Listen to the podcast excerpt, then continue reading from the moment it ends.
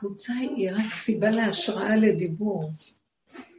אבל אני מרגישה שבאמת, לא מרגישה, אני יודעת, שהדיבורים פה בשיעורים, כל השנים, הם עושים משהו, הם, הם תודעת, התודעה החדשה שיורדת לעולם.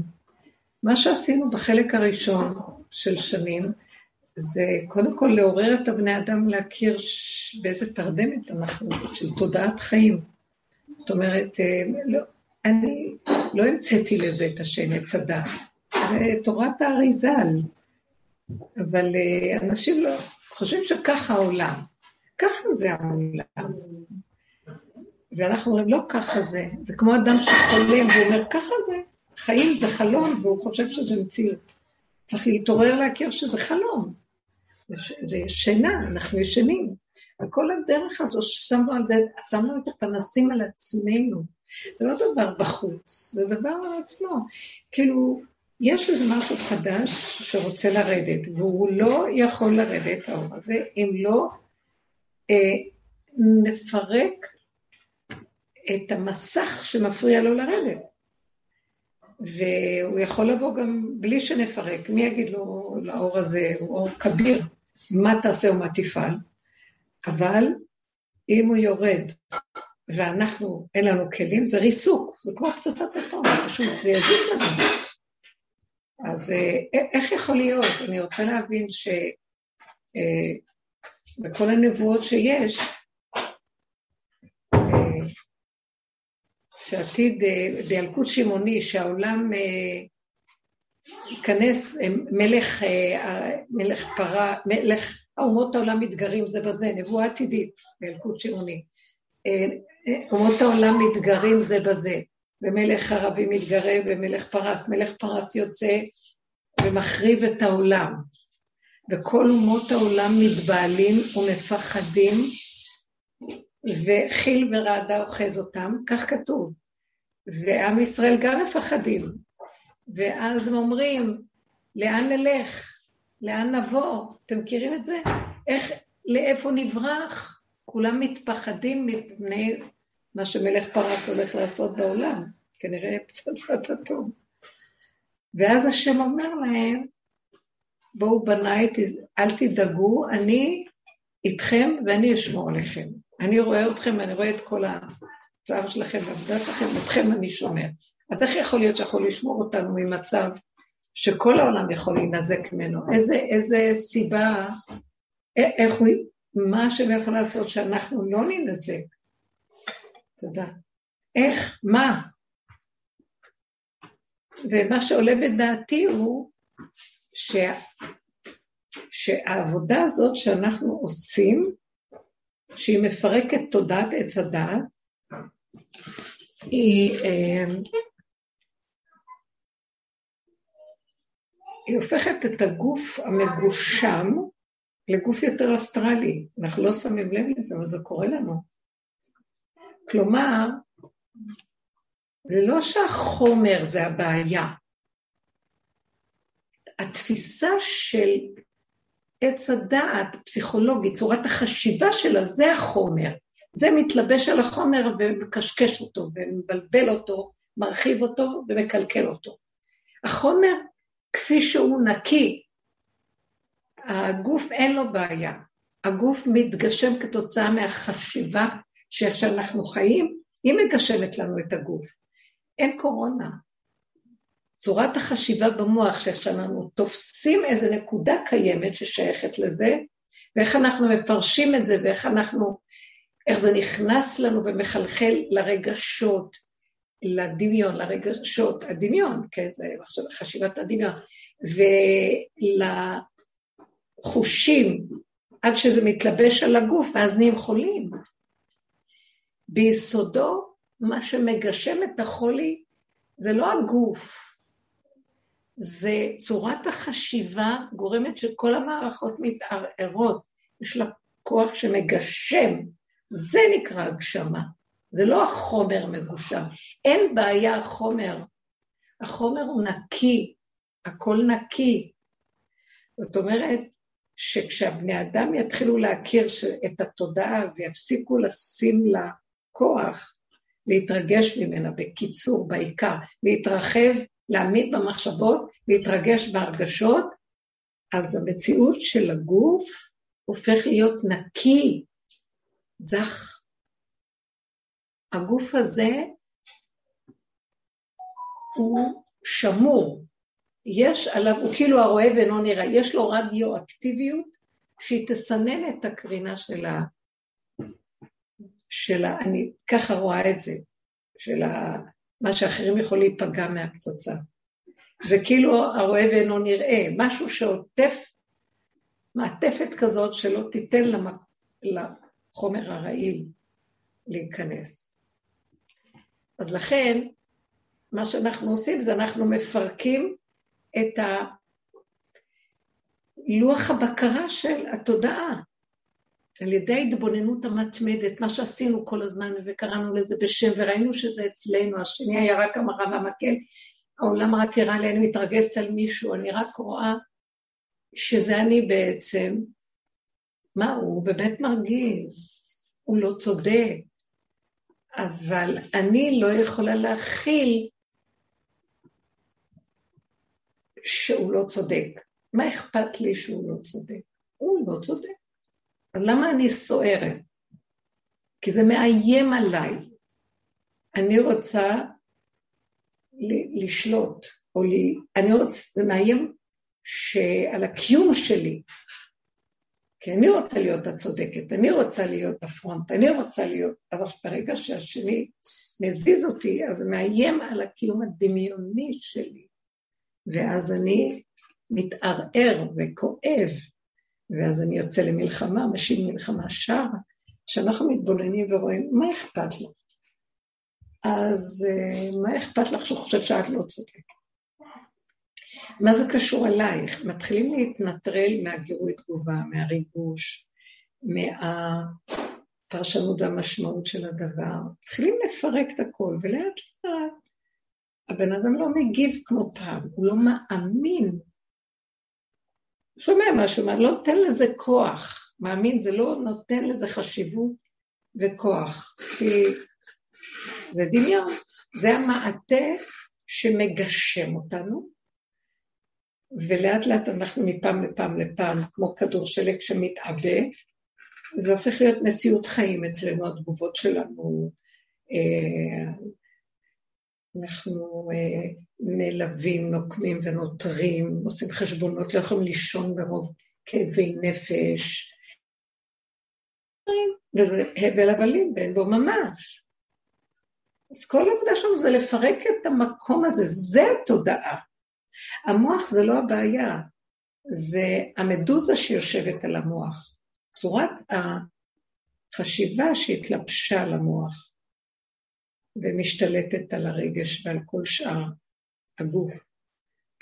אז כשאנחנו עובדים ומפרקים ומפרקים, עייפנו, יותר מרגישים את הגולם הפשוט, אז אנחנו אה, משלימים, מקבלים.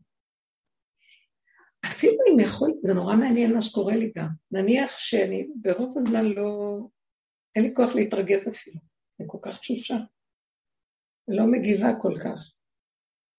אבל פתאום הגולם יכול, כנראה שדוחקים לו את הגבול, כי הוא מאוד גבולי, הוא נקי, כמו ילד קטן, הוא נקי, גבולי. כשדוחקים לו את הגבול, הוא לא יכול להכיל פתאום יוצאת, יוצא לי כעס לא אנושי. ואז אני מבינה שהכעס הזה שיוצא לי, הוא לא, הוא לא כדי לצאת על השני. אפילו אם יוצא, אני משלימה ומקבלת, אין לי כוח להתנגד לו. אבל אני פתאום קולטת שהוא הוא כעס שיכול לכלות את השקר. זאת אומרת, בחרבי ובקשתי אשר לקחתי מיד האמורי. זה, אם השני הוא שקרן, בוא נגיד, או מה שאני רואה, או אפילו ביני לביני. למשל, היה לי איזו מחשבה, משהו במוח, שבא ומתחיל אה, להטריד אותי במשהו. ואז אני קולטת שהשד עכשיו מתחיל להתרחב עליי ורוצה להכניס אותי לאיזה אירוע חגיגי של מבוך וכאבים.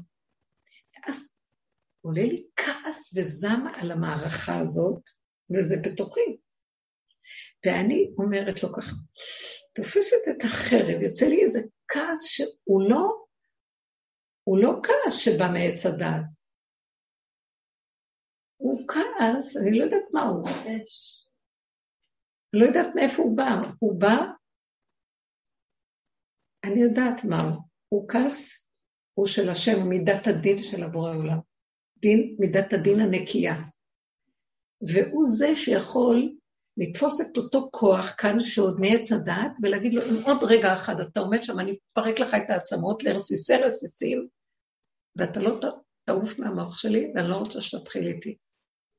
הוא בא לסכסך אותי. היה לי איזה ניסיון השבוע, והוא בא, הכל היה שלב, הכל היה בסדר. והייתה לנו, היה לי איזה משהו שהרגשתי ממש שמחת עולם.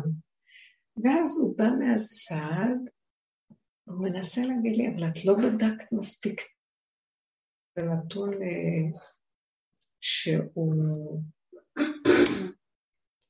הוא לא, הוא יכול להיות, אה, אחר כך תצטערי אם לא תבדקי אותו. לרגע אני שומעת, ואחרי שני, לא לקח יותר מכמה שניות, הבנתי שהסכסכן הזה רוצה לפרק לי את השמחה, את הפשטות שאני מאוד שמחה על הדבר הזה שיש עכשיו, משהו שקורה במשפחה, ורוצה לסכסך אותי ולהציב אותי, יש לו קנאה ששמח. ומשהו בתוכי קלט את זה, וכאילו, בדרך כלל תגידי, טוב, בוא נבדוק, נראה מה, אני אכנס לעניין שהוא בא להציע לי, אולי יש שם משהו לבדוק, אולי כדאי לי. לא, לא, לא, זיהיתי את הקנאה שלו ואת הרצון להציב את רוחי.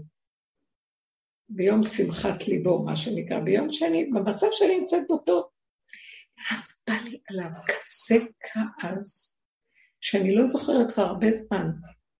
זה מין כעס שאם אתה לא תעוף לי מהעיניים ותפסיק להיות במוח, לשגר, לא, נכנסת לשגר, לא יהיה לך שריד ופליט. זה כאילו, אם הוא עמלק, אז אני עמלק פלוס. אז זה בורא עולם. הוא זה שיכול לפרק אותו.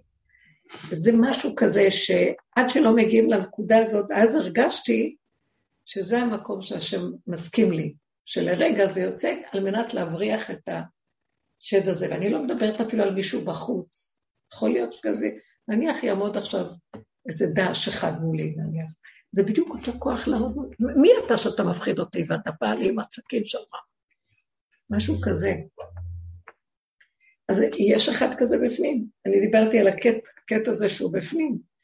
כשאנחנו לא מפחדים ממנו ומראים לו את ה... אבל זה לא שאני משחקת אותה לא מפחדת, זה באמת מקום של...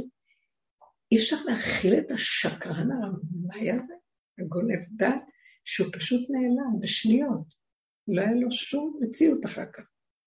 והייתה לי הסחת הדעת שלא האמנתי.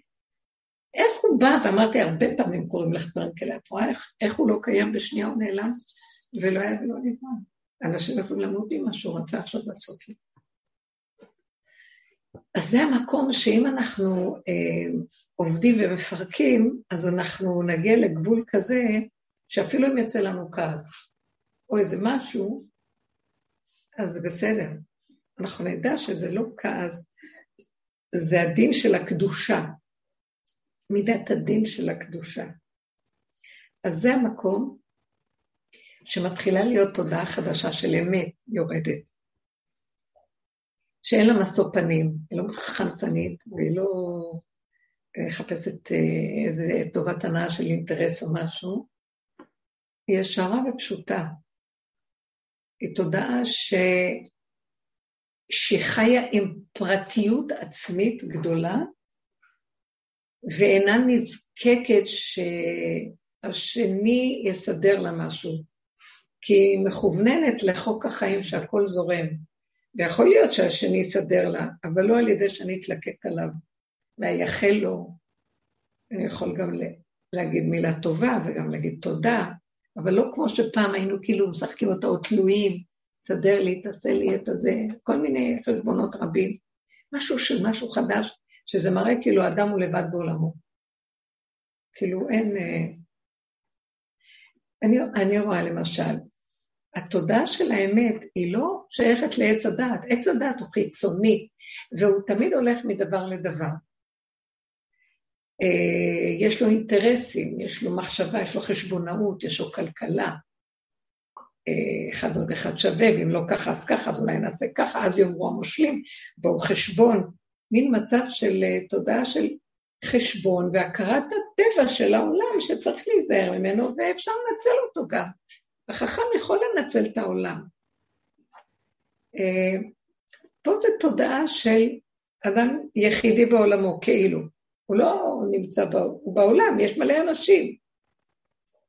אבל, אה, ויכולה לבוא לי איזו ערמומיות של משהו, ואז ישר אני מזהה אותה ואני אומרת, זוזי הצידה. מה שפעם עוד הייתי מנצלת אותה כדי אינטרס להשיג משהו. הכל הופך להיות חלק, פשוט, מכוונן, אה, עיקר, זה מקום ששם האלוקות מתגלה, זה האור החדש. רציתי לומר, בתודעת עץ הדת שאנחנו אומרים, אחד מי"ג העיקרי האמונה, אה, אני, אני ציפית לישועה, אני מאמין באמונה שלמה בביאת משיח, בכל יום אחכה לו שיבוא. אנחנו מקווים, לא מייחלים ומקווים. אז בתודעת עץ הדת אנחנו, זה דבר חיובי לייחל למשיח, וככה אנחנו תופסים את כל התורה גם, שאני יושב פה והדבר מבחוץ. עכשיו, אז הגאולה אני יושב ומחכה מתי היא תבוא. ואני מייחל ומצפה. וזו תודעה שהיא נחשבת לחיובית ומבורכת, היא מצווה, אחד מי"ג עיקרי אמונה. מה, בואו ניקח את התודעה של האמת איפה שאנחנו נמצאים ונתבונן בה. מה אנחנו רואים? אי אפשר בתודעה של האמת לייחל ולקוות. אם אני מקווה, אז זה כאילו אני יושב פה רגל על רגל ומחכה למשהו שיבוא לפניי מבחוץ וישחק אותי, יסדר לי את המציאות. ואילו העבודה שאנחנו עושים הביאה אותנו למקום שאני לא עושה משהו על מנת ש... אני מחכה שיבוא משהו.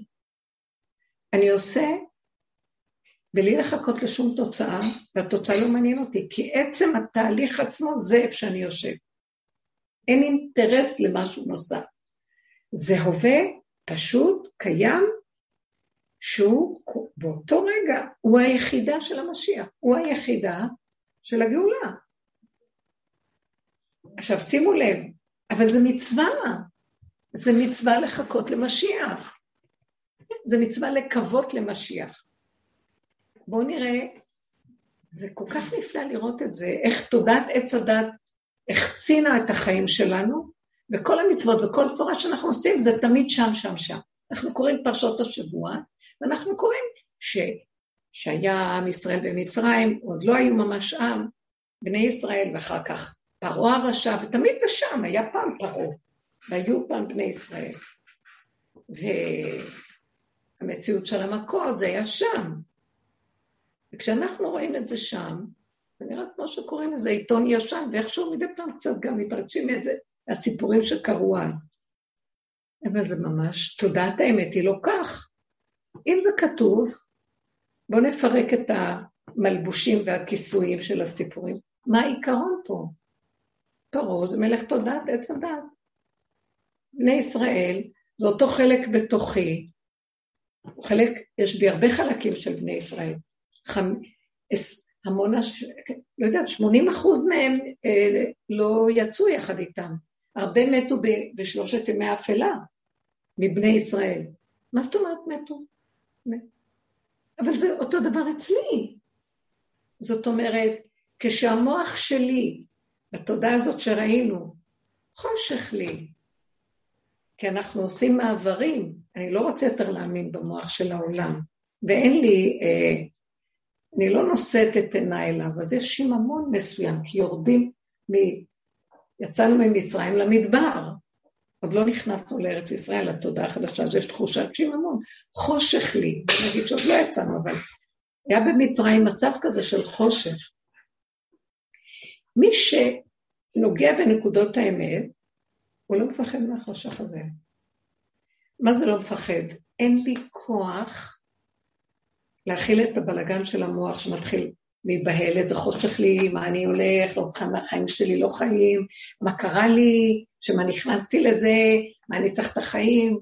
כל החיים אני איילל, אם לא יהיה זה, אז יהיה זה, אם לא יהיה זה, אז יהיה זה. ואז אני אומרת, אז יש מציאות כזאת, זה לא חושך, זה, מה, מה כן את יכולה לעשות? את יכולה לנשום, תנשמי, את יכולה לשתות, תשתי. את יכולה לשבת, תשבי. את יכולה ללכת, תלכי. אז מה חושך לך? חושך שאין לי את הסדר הרגיל של החשיבה, או ש... יש כאלה ימים, לא? בעצם כל הימים הם כאלה, רק נדמה לי שיש ימים יותר טובים. ואז אלה שהיו במקום הזה שלא, שהשלימו וקיבלו, אלה שנשרדו, ואם לא, רק להיבהל מזה, מה קורה לי, למשל, הייתה לי תקופה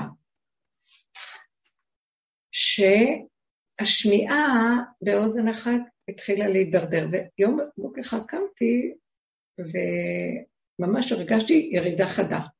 זה היה לי לרגע בהלה.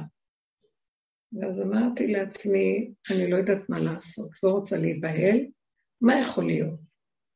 פתאום נכנסתי לשקט הנפלא שיש בפנים, בחוץ לא שומעים כל כך, אבל בפנים היה לי כיף.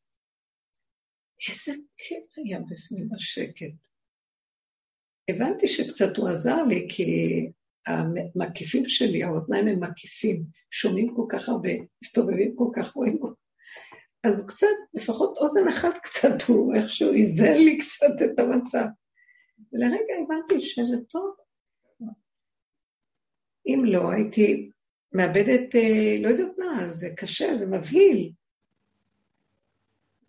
קמתי בבוקר למשל, והיה שקט, ממש שקט, דממה. קמתי בשעה ארבע לפנות בוקר, משהו כזה. ואמרתי, הלך עליי, אני לא שומעת כבר כלום, לא שומעת כלום. ואז אה, לרגע התיישבתי ואמרתי, אז מה יכול להיות? שקט, נחמד, שקט, אבל היה לי צער. ואז אמרתי לו, אבל לצמח אותי. אני לא רוצה להיכנס לסערה, צמח אותי, אתה יודע לסדר את זה שאני אהיה שמחה. לא רוצה ללכת, להתחיל, עכשיו, בוא נלך לפה, נעשה פה, כלום. לא עלה בדעתי לעשות לעצמי איזה תרגילים לשמוע עם הנשמעות שלו, אבל הייתה לי משהו. פתאום המואזין וקולי קולות התחיל לשמוע. אף פעם לא אהבתי אותו כמו אותו רגע. בירושלים המואזין חזק, אנחנו כפר, אה, שכונה שועפאט. וואי, איך התמוגגתי מהסלסולים שם. אמרתי לו, אבא, תודה. ואז תיארתי לעצמי גם שהוא בטח הרבה יותר חזק ממה שאני שומעת, אבל לפחות שמעתי אותו. אחר כך קיבלתי סטרואידים, לא חשוב, חלק עזב, חלק נשאר. אבל ראיתי ש, שאני, שזה נחמה פעוטה, הדרך היא נותנת איזה משהו שאפשר אפשר להתקיים, אפילו משמח אותה. מבפנים מתבצר לך מציאות אחרת לגמרי ממה שבחוץ. שכשאת לא ואין לך אחיזה ואת נבאת, כי אחד עוד אחד לא שווה את מה שצריך, ומה אפשר להשתגע? ואז אמרתי, הדרך הזאת, כשאני קוראת את הפרשה, אנחנו רואים שבתוך זה יש מציאות שלנו, חדשה. זה בדיוק אותו דבר, כי אימץ את חמרת מצרים, אותו דבר מה שישב, יחזור להיות פה, אנחנו יכולים לראות עקרונות אחרים, אבל יש בהם דברים, את אותו עיקרון בצורות אחרות, וזה דבר כל כך משמח אותי, אז אני רואה שהפרשה היא אור עולם, אני רואה את התורה הפנימית בתוך כל הסיפורים של, שלפעמים, אני רואה לפעמים באים, ילדים מביאים, אה, הנכדים מגיעים, מספרים סיפורים על הפרשה והכל. זה אותם מדרשים של שנים, שיש לשמוע, אני רוצה חידושים. אז זה, וההורה כזה, חייב להוריד את הרמה שלו, לספר איתו את הסיפור, שהמדרש אומר, לא מספרים לילדים לפי המדרשים וסיפורים. ואני אומרת, למה לא מספרים להם את הסיפור העדכני של עכשיו? אין מה לעשות. זה מחיה את הנפש. זה יפה, לראות את הנקודות שמאחורי העניינים. אז מה אני רוצה לומר בזה? בעצם שהתודעה החדשה, היא פותחת לך אפיקים אחרים לראות את העולם אחרת לגמרי. וזה גאולה בפני עצמה. עכשיו, תודעת עץ הדת, מקווה. איך היא מקווה? בחוץ. רואים את הדבר חיצוני. לא, לא. בתודעה הפנימית של האמת, מה זה מקווה? עושה קו. היא חיה עם הקו הישיר, קו הישיר של כאן ועכשיו. היא מכווננת לבורא עולם. אתם מבינים מה אני אומרת? זה יפה זה. זה לא אני מקווה לשם.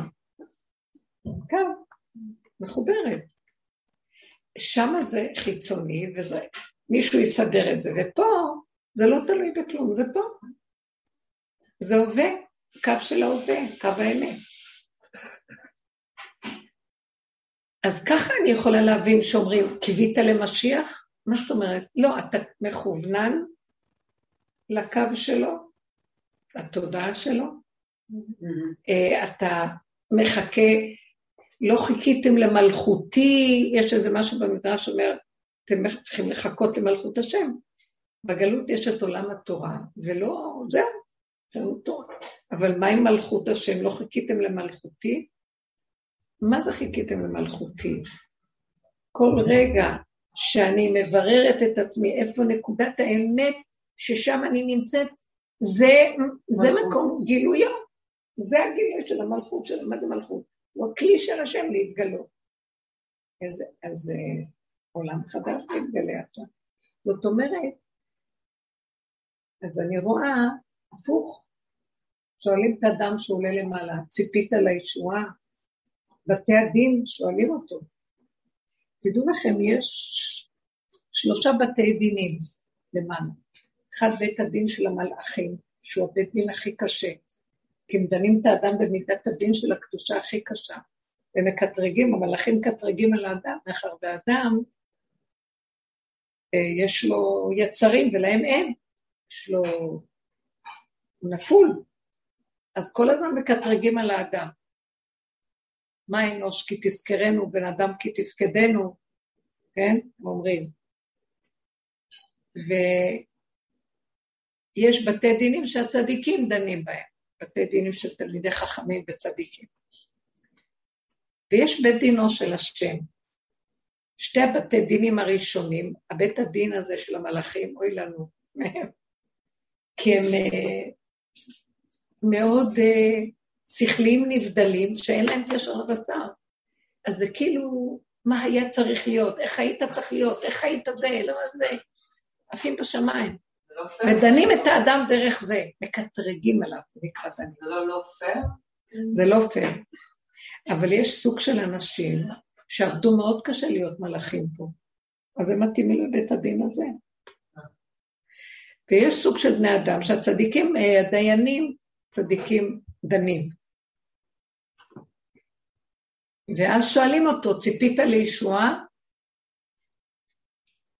אז uh, בדרך כלל הבני אדם אומרים, כן, ציפינו, ציפינו. בית דינו של השם אומר, אם ציפית לישועה, בגלל הציפייה שלך הוא לא בא, כי משיח בא בהיסח אדם. אז מה זאת אומרת ציפית לישועה? היית צריך להכיר, נכון, בעולם הזה פה אתה ציפית לישועה? ציפיתי, כן, אז מה עכשיו? טוב, תחזור להתגלגל. כי נכון, עשית את מה שצריך, אבל בכל אופן, הציפייה לישועה היא לא מפרקת. הציפייה, כמו שעץ הדת מצפה, שזה חיצוני, למשהו מבחוץ, שיקרה, היא לא מאפשרת לזה להתגלות, כי אתה לא נותן את היד הפנימית לפרק את המעטים החיצוניים של הקליפות, שלא נותנים לאור הזה לרדת, הבנתם? אז כל הזמן ציפית, ציפית, כי זה נראה תוחלת ממושכה, אני מצפה ומצפה ומצפה, ואני צדיק ומצפה ומצפה ומצפה. וגם אני מלאך, ואני מצפה ומצפה ומצפה. כי המלאכים צופים, המלאכים זה צפים, הם צפים באוויר. אבל האדם שהולך בדרך שלנו והוא חייב לרדת מתודעת עץ הדת לתוך התיבה של הנחשים והקרבים בתיבת אה, המנגנון, לוח הבקרה של עץ הדת, אין מתום מבשרו, הוא עובר ייסורים, הוא עובר כאבים, הוא עובר את הלכלוך שלו, הוא עובר את הכל, לכלוך של, של עץ הדת, והוא מודה. זה יום הכיפורים, זה מאוד קשה בעולם. מודה. הוא מודה, אני כזה, אני כזה, אני כזה.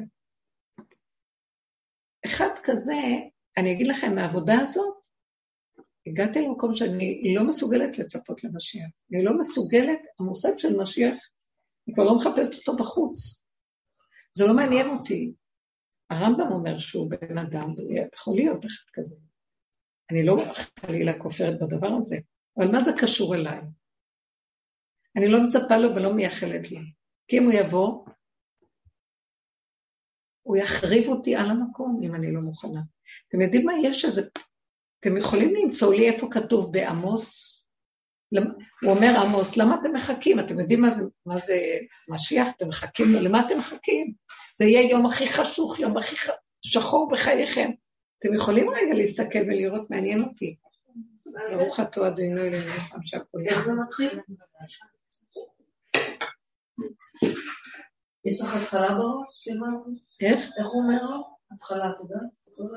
בעמוס, תכתבי עמוס בעניין, בעניין אה, אה, בואו, יום בואו של משיח, נבואה שלילית, זו נבואה שלילית, נבואה מפחידה.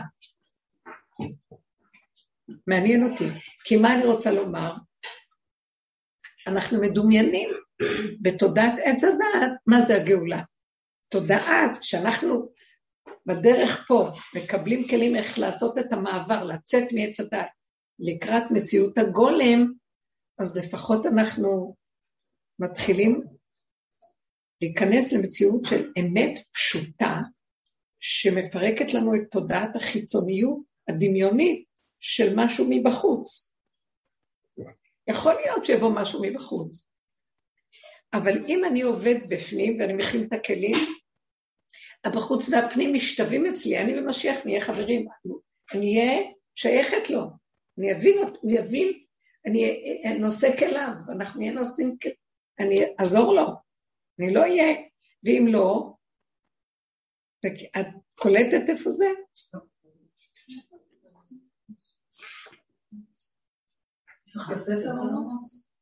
אוקיי, רגע, באמת הייתי צריכה להגיד, אה,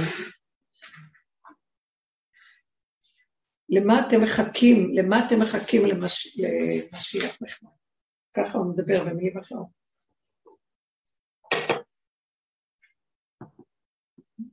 קשה לי מאוד עם ה... מאוד קשה לי עם המטה של ה... קינמון, קשה לי קינמון. יש לך משהו אחר? כן, בטח. תודה, סליחה, זה דווקא תה טוב. רגע, איפה אני יכולה למצוא את זה? סליחה, זה מאוד, זה כן כדאי לראות את זה, אני אגיד לכם. אין לזה הרבה פרקים בתרי עשר.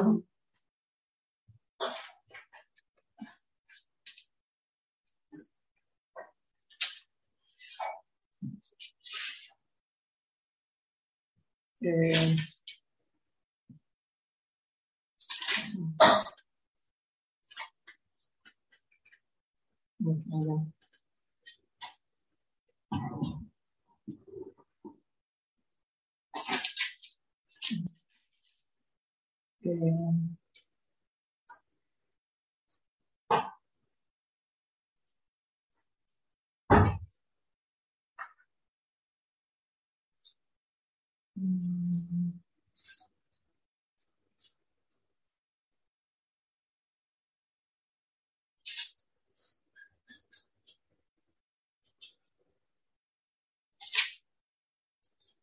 רגע, זה...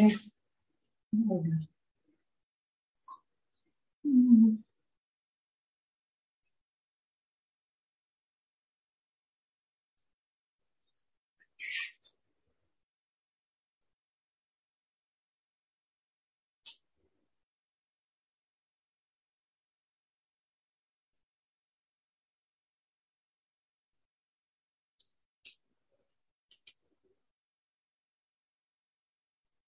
אה, הנה, כן, בדיוק מצאתי.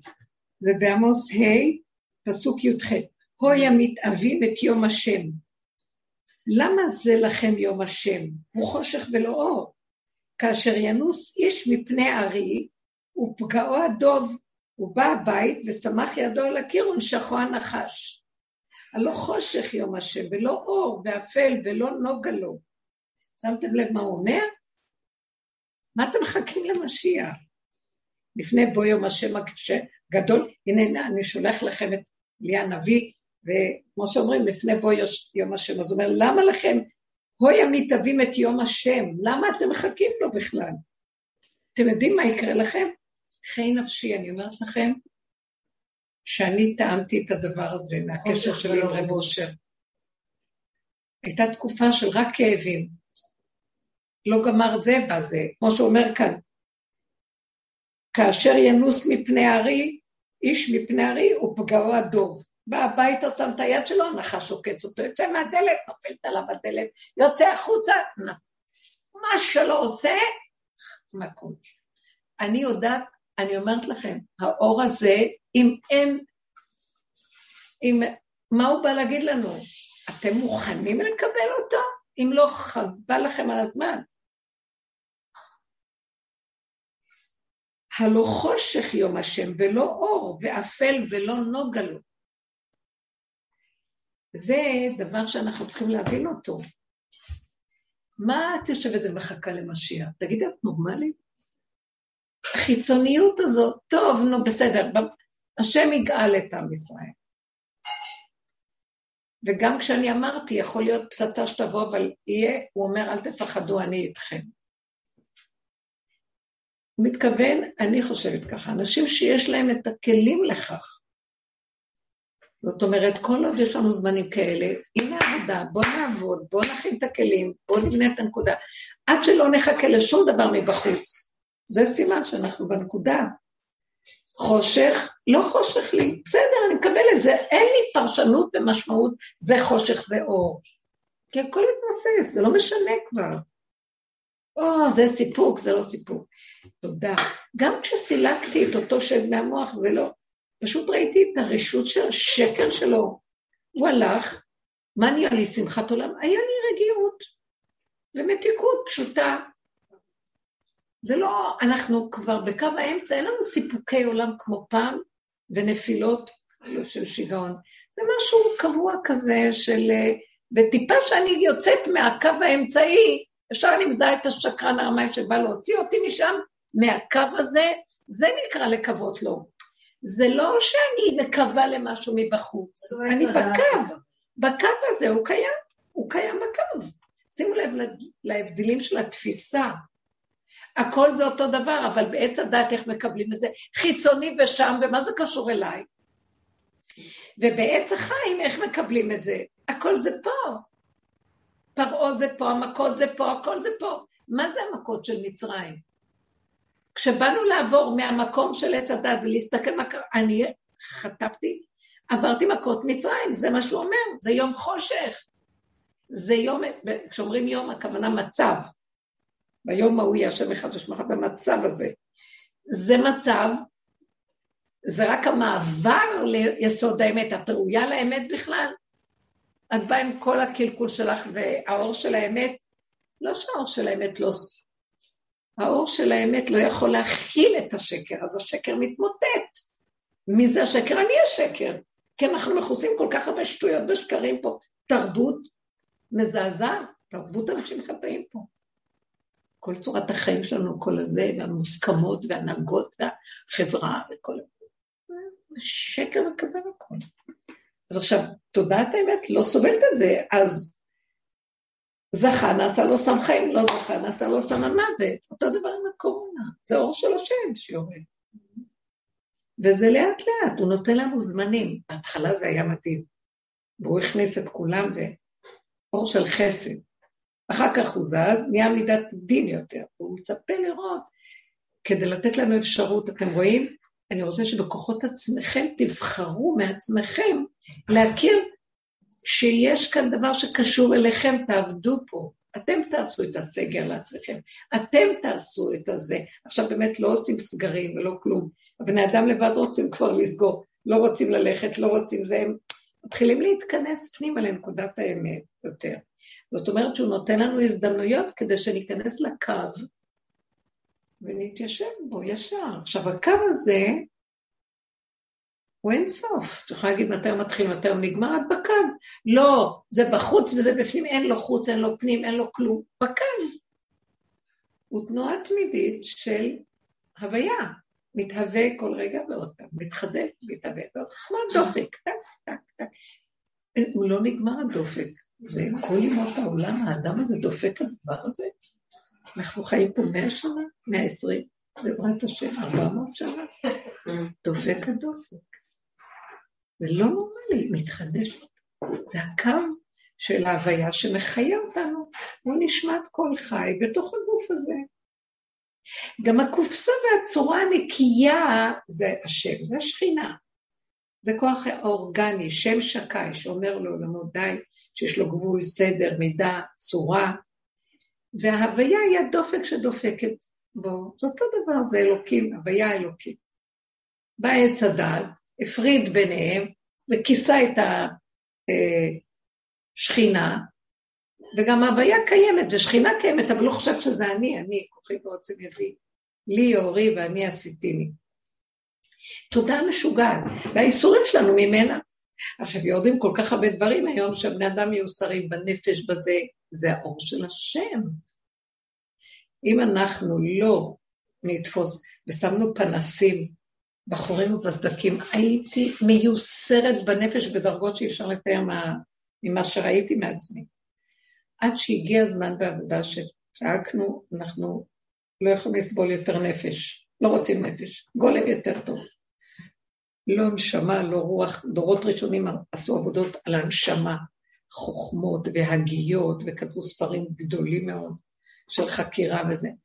אחר כך באמצע הדורות זה כל חוכמת התורה והרוח, מעלת הרוח, וספרים, ודור דעה, ואחר כך הדורות האחרונים זה הנפש, עולם החסידות, עולם...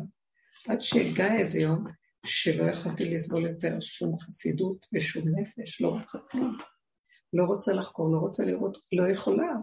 גולם יותר טוב לי, כי זה לא נגמר. הנפש זה כמו תהום שאת לא יכולה לגמור, את לא מבינה איפה היא נגמרת, זה, זה מלכות אדום, גלות אדום שלא נגמרת. את צריכה לגמור אותה. זהו, סגרנו את המוח, לא נתנו ממשות, לא מחשבות, לא רחבות המחשבות, לא רחבות ההתרגשות והזה, וגם לא רחבות הגופים. גולם מוגדר של פשטות. מהמקום הזה, תחפשי משיח? את תחפשי משהו? יש, אנחנו עוד בעולם, אז יש לנו רגעים של מצוקות. אז רגע אחד שאני מבקשת, אני אומרת, אבל אני לא יכולה להכיל, אני גבולית נורא. ואם אתה שולח את השד הזה, אני לא יודעת מה אני אעשה לו. זה בורא עולם בתוכי, הוא מתגלה בתוך הגולם, והוא זה שמכה את אותו שד. הוא מוציא לו את החרב. זה הכוח של קנאת השם בתוך האדם. איך אתה מעז אה, עוד לבוא? אה, יגער השם בך השטן ויגער השם בך בוחר בירושלים, הלא זה אוד מוצל מאש. אדם נשאר בגבול של משבצת אחת, מה אתה בא עוד שם לשגע אותי? מה אתה עוד רוצה מהחיים שלי? כבר נתתי הכל, לא נשאר לי כלום. אם רק תעז להתקרב, פה אני אפרק לך את הצורה, כמו קרימינל הכי גדול. והוא נבהל מזה, כי זאת אמת חזקה. זה דין נכון. והוא נעלם. והעולם אה, כל הזמן מפחד מהדין ובורר, הוא לא יכול להגיע לנקודת האמת הזאת, וזה האמת שהיא שורפת את הכל, אמת. והיא גם אחר כך מתמתקת. היא הדין המתוק, מה שנקרא. אבל אנחנו צריכים להגיע למקום הזה. טוב, דיברתי, תדברו אתם. רציתי רק לומר שאנחנו עושים כאן עבודה שלאט לאט מכניסה אותנו לתודעת משיח. ותודעת משיח, מה משיח יבוא ויעשה? משיח, וזה, אני רואה את זה מעצמי, משיח הוא אה, יעשה שלום בעולם. אני רואה שהדרך הזאת עשה לי שלום. אין לי כוח לריב עם עצמי בשום צורה ולא עם אף אחד מסביב. זה לא נגמר המלחמה פה, זה מעוות לא יוכל לתקון טק, טק, טק, טק, עת כזאת ועת כזאת ועת צמדת וכל זה. לא בא לי על זה יותר, לא רוצה את זה, נמאס לי. עכשיו שאנחנו עובדים ככה, כל הכדור אחר כך כבר נכנס לזה, שתדעו לכם, זה, זה עבודה סגולית והיא עובדת. אז דבר ראשון, הוא ישבית את התודעה הזאת שהיא לא נגמרת בריבועים והאפשרויות שלה. אה, הוא ישפוט בצדק. אני נכנסת לנקוד, יש לנו, הדרך הזאת מביאה אותנו, שאם אני עושה משהו שהוא לא הגון, מיד הפנס מראה לי, את משקרת. את לא הולכת נכון. ישר הוא חוזר אליי מצלמה ומכוונת אותי. לפעמים אני יכולה לשקר, וזה בסדר גמור. אם מתבקש אפילו, זה הדבר הכי, זה, זה אפילו מצד המעלה הגבוהה. ולפעמים הוא יגיד לי, זה, כי זה שקר של אמת, אתם מבינים מה אני אגיד לכם? העולם שאני מולו לא יוכל לסבול את הנקודה, אז החסד הכי גדול, וזה בסדר. דובר אמת בלבבו, אבל בחוץ הוא יכול להגיד דבר. ולפעמים אני שומעת, אני עושה משהו, אני אומרת, את לא הולכת נכון, את לא ישרה, את לא הגונה, כי אין את, זה לא אמת של הלב, היא לא אמת נכונה. אז שימו לב, הוא ישפוט בצדק את הנקודה הנכונה, מה שאדם, למה? כי לפעמים אנחנו רוצים להתחנף לבחוץ ועושים משהו וזה לא פייר. אני רוצה לרצות מישהו ואני מציירת את הנפש שלי. למה שאני ארצה מישהו? יש לי דוגמה. איך? יש לי דוגמה. בטח. אה, פשוט נתקלתי במשפט כזה, צילום של אנה פרנק, והיה כתוב שאלה שהחביאו אותה עברו על החוק, ואלה שהרגו אותה צייתו לחוקים, כאילו, למה שהיה צריך לעשות. את אנה פרנק, אנשים שהחביאו אנשים בשואה. יפה, אז מה היה לו? אז הם עברו על חוק, הם עשו דברים שהם לא היו אמורים לעשות. ואז? ו... אבל הם היו נאמנים לעצמם. יפה. אז מה הדוגמה שרצית להגיד? שכשאתה משקר, כן, כן. לבחוץ, כן, אבל זה הדבר הכי נכון לעשות. זה הדבר נכון לעשות. יפה, כאילו מוסר זה דבר חמקמק.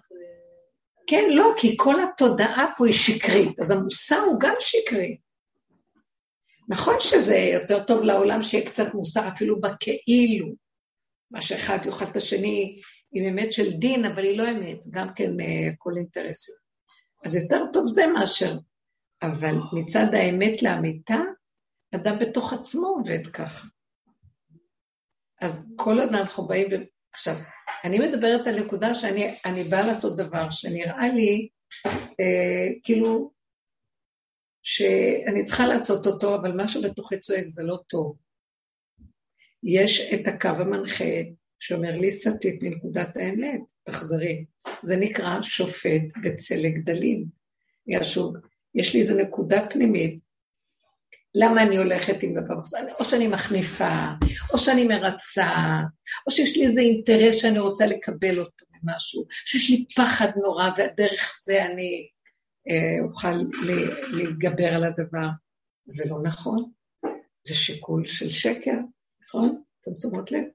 אז הוא לא יעשה ככה, הוא ישפוט דלים בצלם, יסתכל, הוא מריח ודן, מורח ודאים. מה זה מורח ודאים? הוא לא פועל מהמוח של עץ הדעת, הוא פועל מהחושים הפשוטים של הגולם.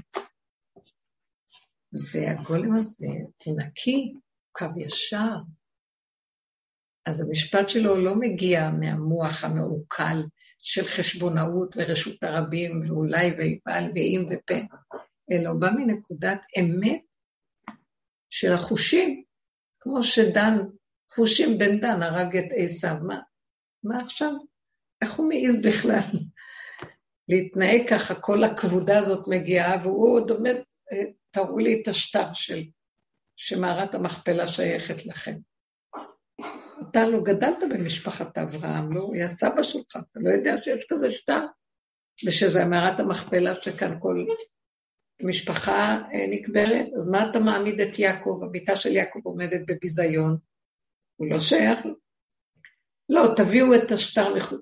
עכשיו, כולם דנים, ולפי המוח הם, הוא רוצה את השטר, אז צריכים ללכת להביא לו את השטר. בא חושים, שלא שומע. לא, לא שומע. אה? לא שומע החוצה. לא שומע החוצה, אבל בדיוק. הוא רואה את כולם עם החשבונאות החיצונית הזאת, והוא בפנים אומר, איך יכול להיות? לא ברור להדיה, שזה, אברהם אבינו קנה את השטח הזה לקבור בו את המשפחה. אז מה הוא בא עכשיו מחפש שטר? איזה מין דבר? והם עוד מתדיינים איך להביא לו את השטר, כי צריך מסמך חתום, צריך מסמך. הוא בא מאחורה, עורף לו את הראש, נגמר הסיפור. הישרות הפשוטה של עשייה שנראית כאילו זה לא מוסרי להרוג. כן, אבל רשע כזה ושקרן כזה ורמאי כזה, שמשקר את כל העולם, זה משהו אחר. אז עכשיו המקום הזה שאנחנו רואים, אפילו אה, השם בכבודו בעצמו אומר להם ביציאת מצרים, תנצלו את המצרים. ושאלה אישה מגרת ביתה ומשכנתה, ביתה. כן, מגרת, משכנתה ומגרת ביתה.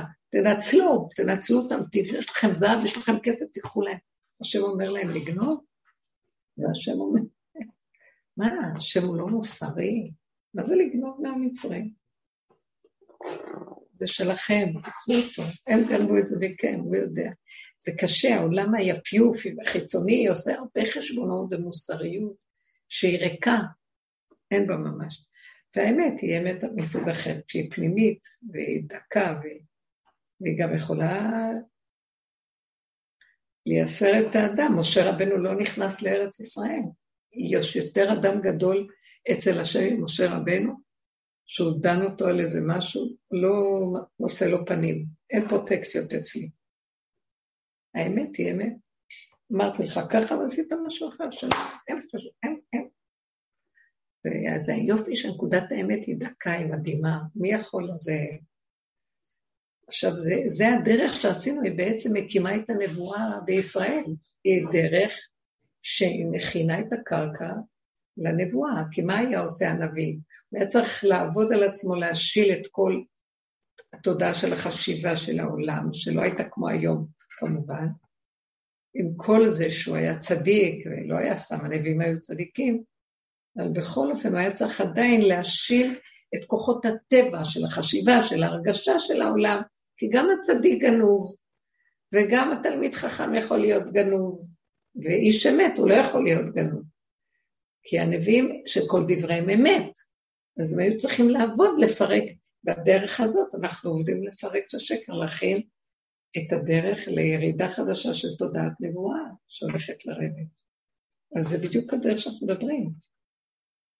שהחוש לנקודת האמת צריך להיות מפותח. שאני בתוך עצמי קולטת אותו בא לדבר. פעם הייתי יכולה להגיד, תקשיבי, אולי השם שלח לך סיבה, שימי לב מה הוא רוצה להגיד לך, אולי uh, תבדקי מה קורה פה, בא לסכסך אותי, שמה שחשבנו לעשות, אולי יש בו איזה נקודה, אבל מה קלטתי בנקודה שלי? בדקות קלטתי uh, איזה נקודת אמת פנימית שהוא בא להכיר את רוחי ולגרום לי uh, צער. וזה לא נכון. שימו לב, לא נתתי לו מקום, לא, לא הבנתי את זה, גם ראיתי שזה בורא עולם עזר פה, לא נתתי לו מקום שהוא ישדוד אותי.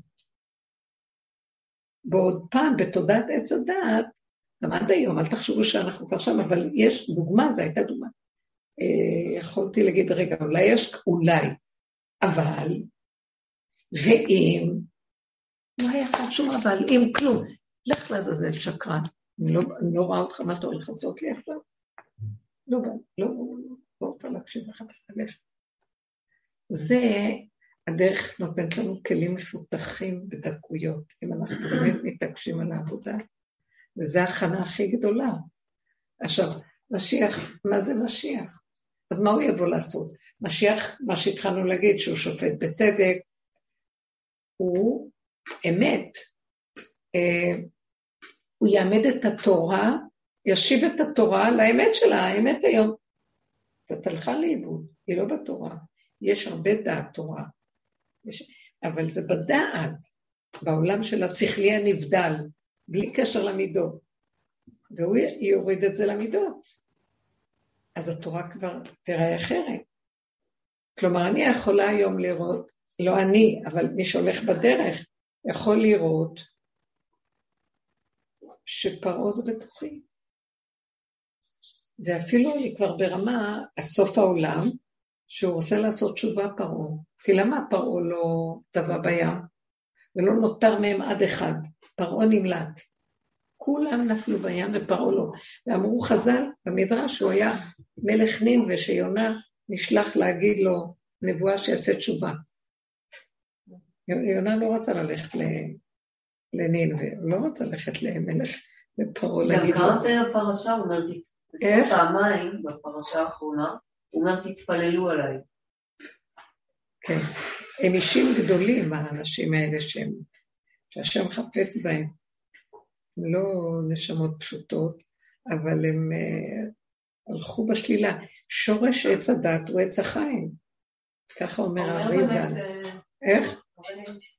אומר אה, בפרקי ההלכות של רבי נחמן, כותב על פרעה, שזאת הנקודה שהשם רוצה לברוא את העולם, שזאת הנקודה של החלל הפנוי, שפנתה לגמרי מאלוקות. זאת נקודת פרעה בעצם.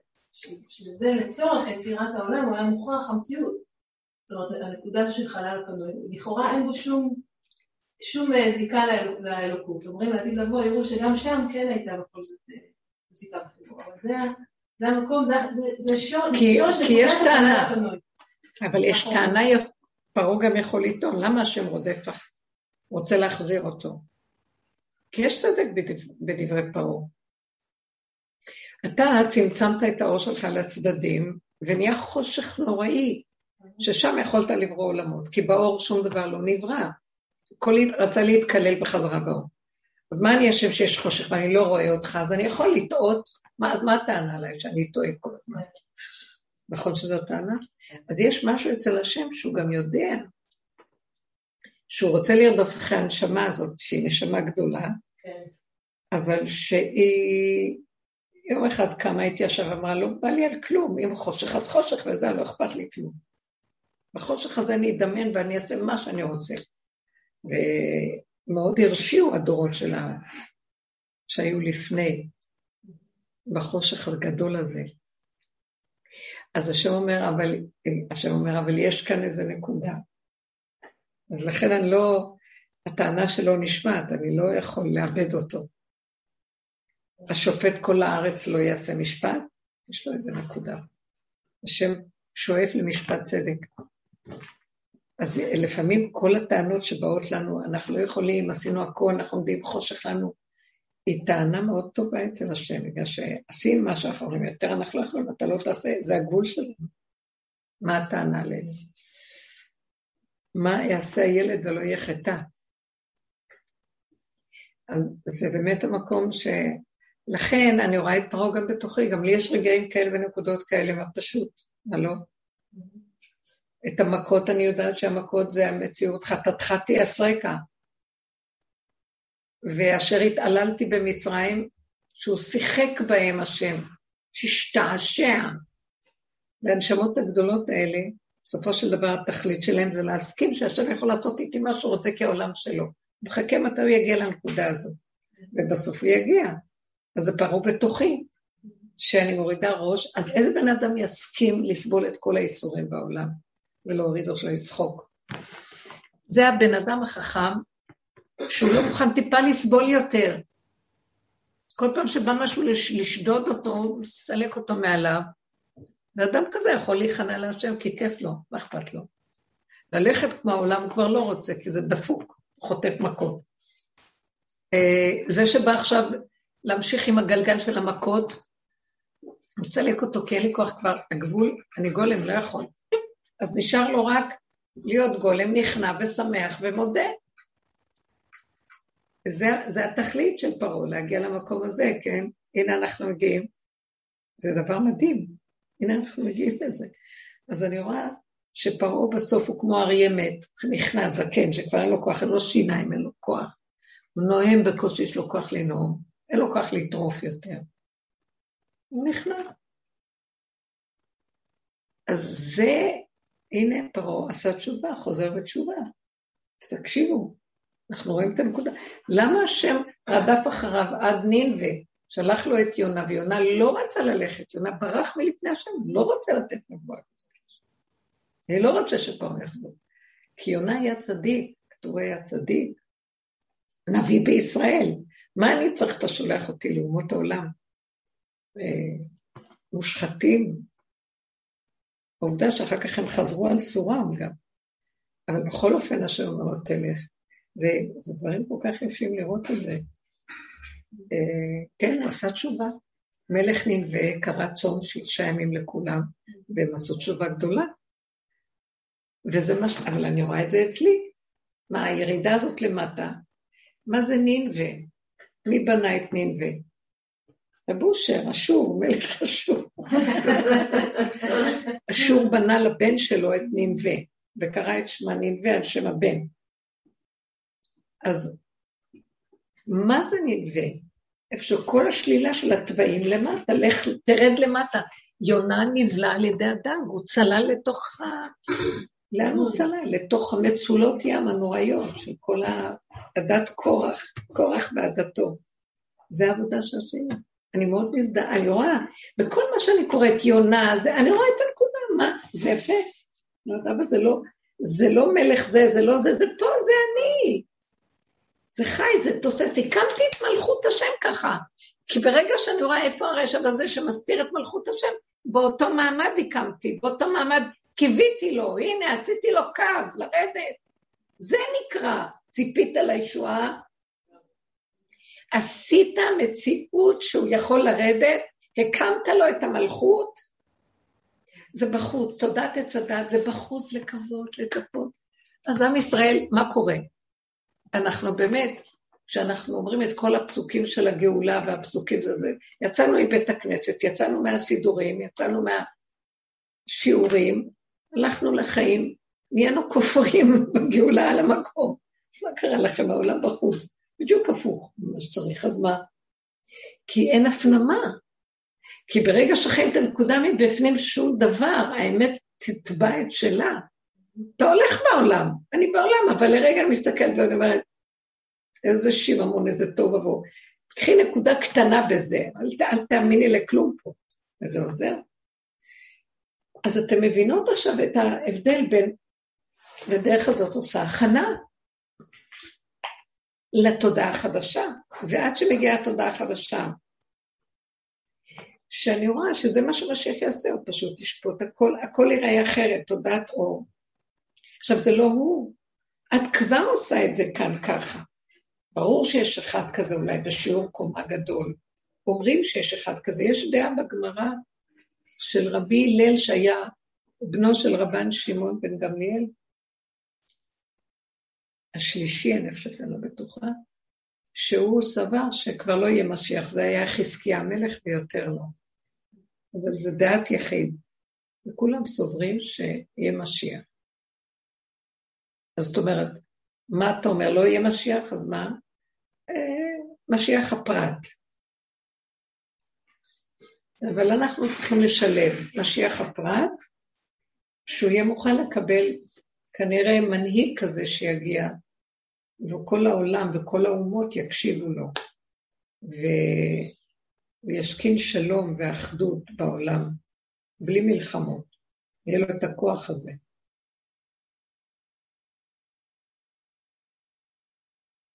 איזה מין כוח זה?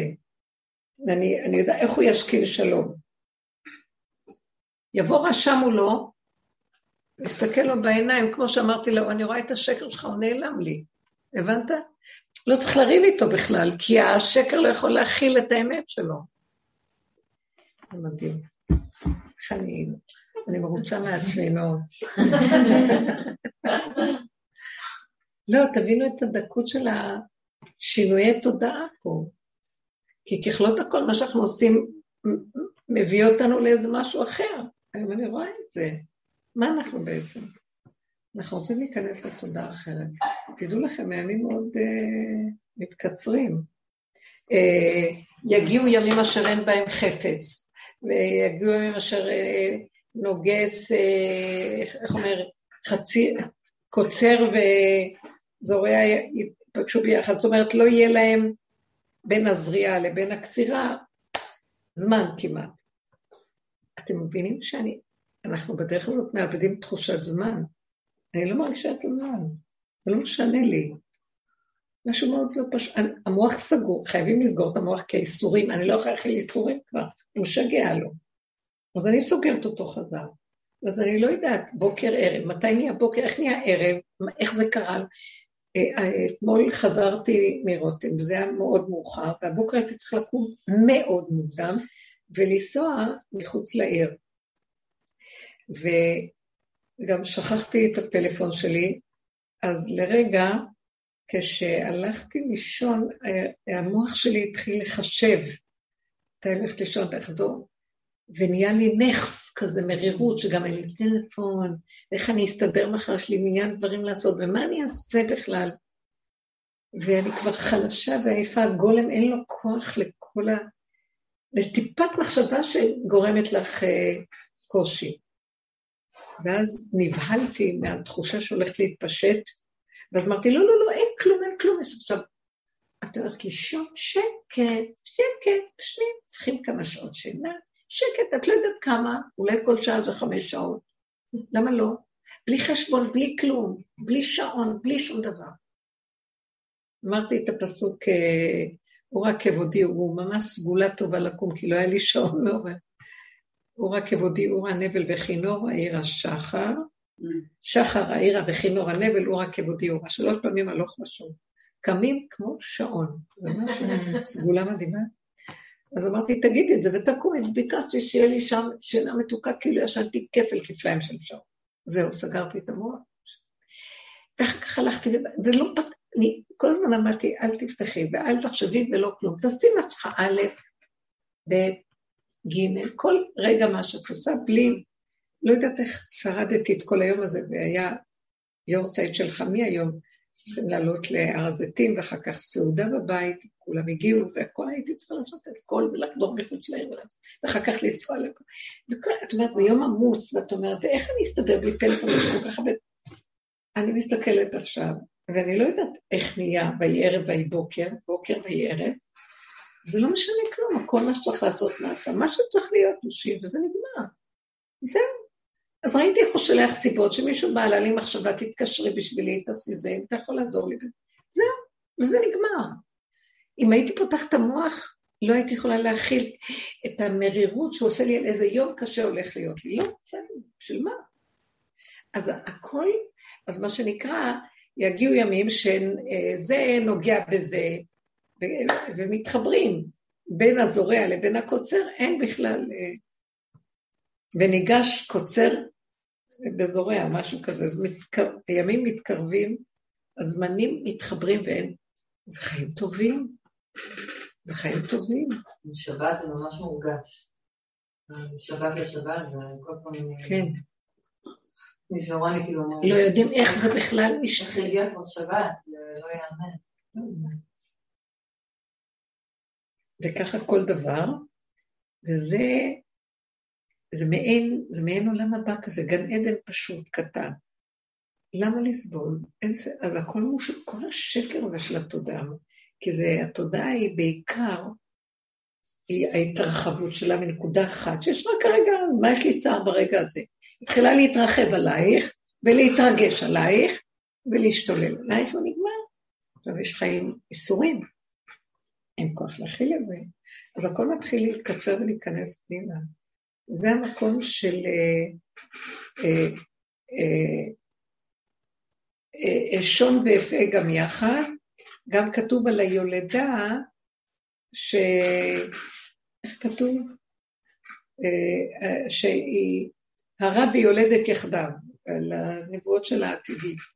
רגע אחד היא הרע, רגע אחד יולדת ואין זמן, כאילו לא עברו תשעה יחי לידה, הזמנים מתקצרים, עתידה אישה ללד בכל יום.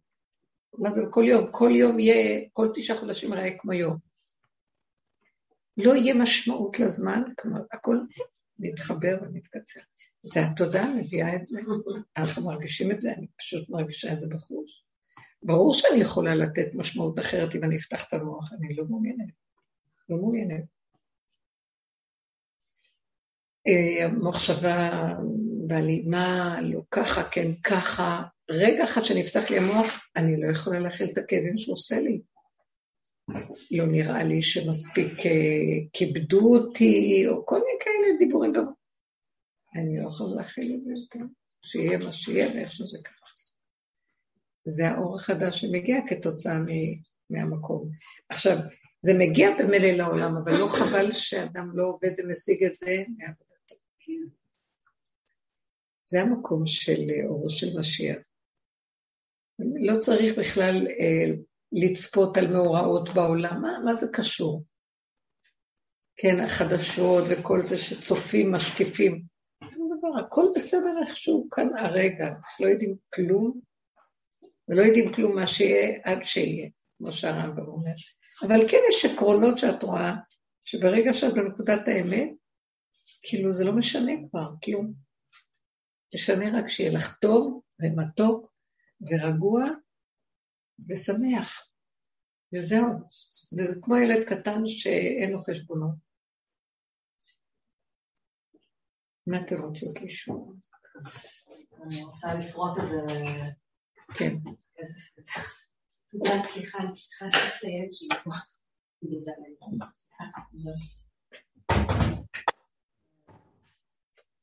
אני קצת באיזה בלבול, אני מקווה שנצטרך, שזה ירד לי במילים ככה, כמו שאתה...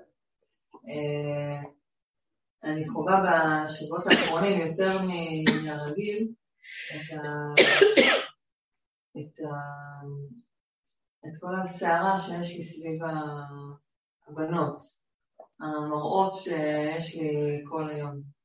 כאילו על פניו לא השתנה שום דבר, אבל אני מרגישה שאני חווה את זה ביתר סט, ככה ממש אה,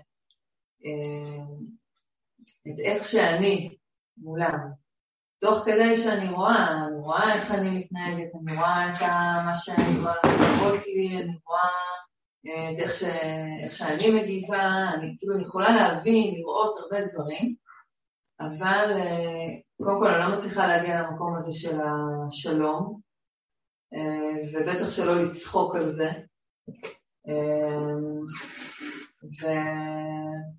ואני כאילו באיזה קצת בלבול פתאום. כן.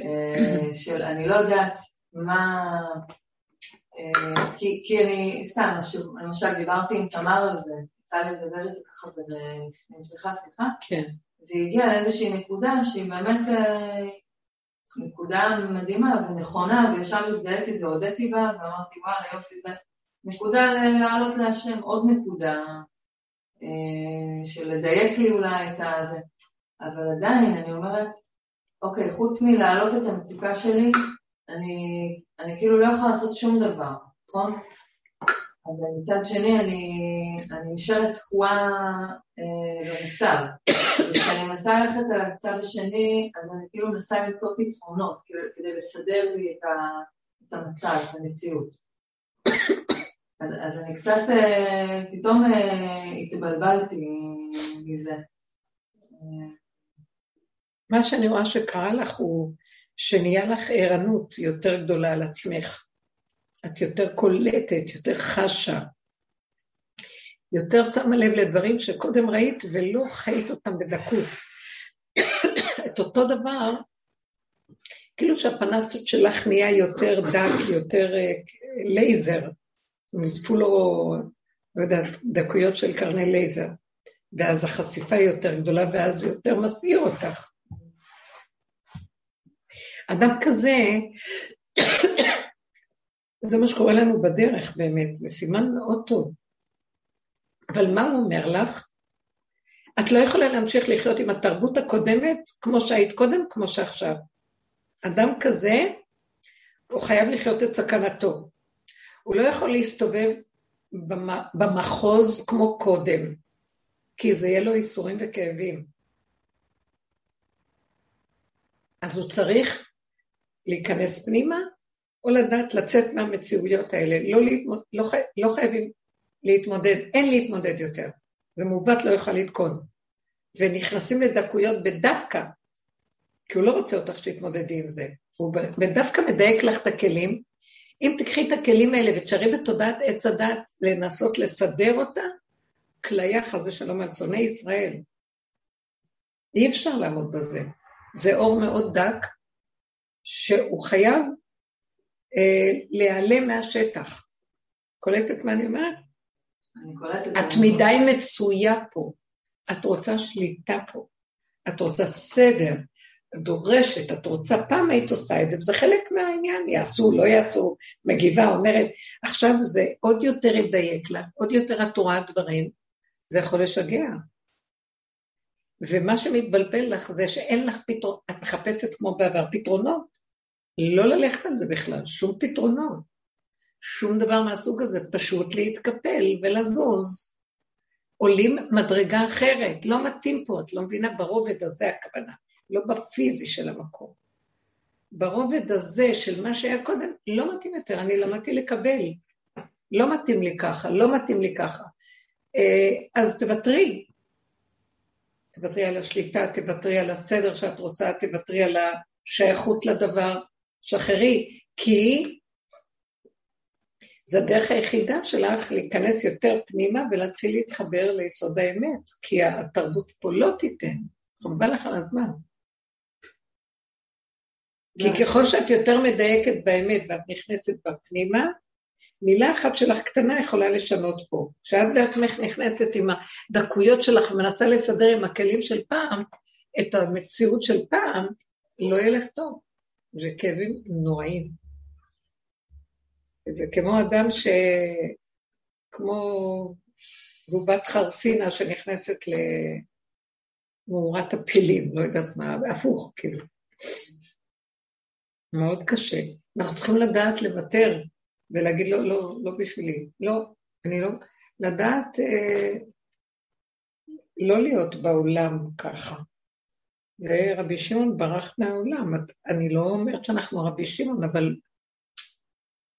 המהלך שלה, שלנו פה בעולם, אנשים שנכנסים באמת, הם כבר לא יכולים להיות רגיל. אנחנו פה, אנחנו לא עוזבים את התפקידים ואת מה ש... אבל, אבל העידון שלנו ביחס עם הסובב הופך להיות משהו אחר. לא מגיבים, לא... אני מפחדת לאבד את המתיקות. אני יותר ויותר, כשאני נכנסת יותר פנימה ועוזבת פה, תדעו לכם, אור חדש בא מלמטה, ואני רואה את ההבדלים. הוא מתגשם, אני רואה אותו, מתגשם יותר פנים, זאת אומרת מלמטה, אה, הוא מחייב אותי, אני לא יכולה לעשות מה שעשיתי פעם. הוא מיד יפליק לי, כמו שאמרתי לכם, משיח, מה, מה אתם מחפשים את היום הזה, את המצב הזה, זה אור נוראי. אם את תמשיכי בתוך העולם הרגיל, כשאת כבר עם כלים אחרים, את תחטפי, זה מסוכן. מבינה מה אני יודעת, את מרגישה את זה גם. זה עושה לך תסכול. אני מנסה לחשוב איך אני... תסכול. איך תסדרי את הבנות בכל אופן, איך תדריכי אותן, איך... לא, כאילו כן, כי זה, אני בראש שלי זה או הפקרות או... אה, לא זה ולא זה, זה לא הפקרות. את נכנסת פנימה לנקודה של האמת היותר גדולה, מפאת הסכנה שלך, ואת משמרת את הכלי שזה ממנו, האור הזה נכנס מלמטה והוא צריך את הכלי הזה, הוא יסדר את הבנות. זה כיוון אחר של חשיבה. זה לא מה שאנחנו חושבים. אני אעשה זה וזה וזה, אז זה יסתדר. כאילו מילה אחת שלך מסדרת אותו. שאלה של פסיביות ואקטיביות בעצם. אבל בעצם האקטיביות היא להיות בפסיביות. זה פסיביות שהיא אקטיבית פנימית, כן. היא לא פסיבית. בחוץ זה נראה פסיבי, פסיבי לעולם, אקטיבי, זה לפעמים את רואה אבן, היא דוממת כלפי חוץ. את יודעת איזה תנועתיות יש לה בפנים? אם היינו שמים, אה, אני אמרתי את זה ואני חוזרת ואומרת את זה כמה פעמים, הבן שלי אמר לי אה, שהם לקחו אה, מכונית של, של חברת נוסט, נוצ, נוסטלה, טלה, טלה. טסלה. טסלה. טסלה. קפה. נוטלה זה יותר טוב. הם ממציאים מכוניות עתידיות, והם הכניסו מכונית כזאת עם מחשבים חיישנים לא רגילים בבית קברות. אז הם קלטו, אני שמעתי, לי הוא אמר תנועות של קולות, ומי שאמרה שהם קלטו גם צורות. ואני באמת זוכרת ש... אה? ראיתי את זה, הראו לי את זה. מה, את הסרטון? זה היה צורות או שזה קולות? גם לא, קולות צורות. אני יודעת שלי הייתה, היו לי חוויות כאלה, תקופות שהיה לי כזה כמו איזה משהו, מתנה שהשם נתן לי. הייתי יכולה לראות מעבר לחושים, אחר כך לקח את זה. הייתי יורדת לציון של האריזה על שעות מאוחרות בלילה, שקט, שקט. היה כיף להיות שם. אז אה, כשהייתי יורדת, הייתי שומעת את הרכשים של הנשמות, טיסת הנשמות. אוויר מלא. ולא לא היה לי פחד, זה לא היה פחד, ממש תחושה אחרת לגמרי של... זה נשמות טובות. זה מאוד מעניין. אז כשהוא אמר לי את זה, אז התחיל ויכוח, לא יכול להיות, זה לא יכול להיות. אז אמרתי להם, יכול להיות. אני מהחוויה שלי יכולתי אה, להודות שיש, בהחלט שיש. אנחנו רק לא קולטים, החושים שלנו לא קולטים, ואנחנו... כיסויי המוח וכל זה מעבים לנו את המציאות, אז לא יכולים לשמוע. ברור שיש. אה? אני אומרת, זה ברור שיש. השאלה אם הם באמת ראו את זה או שזה... מה, מה ראו? ראו כזה, פתאום... במחשב של ה... רואים כמו דמות כזה. גושי אנרגיה. משהו כזה. כן. יש גופים אסטרליים, יש כזה דבר. לא, לגמרי שיש. מה הקשר שלהם לזה? יש הרבה דברים שאנחנו לא קולטים, הכלבים שומעים קולות, יש חיות שרואות דברים, כמו שהאתון של בלעם ראתה את המלאך והוא לא ראה. שם גילה לה את העיניים.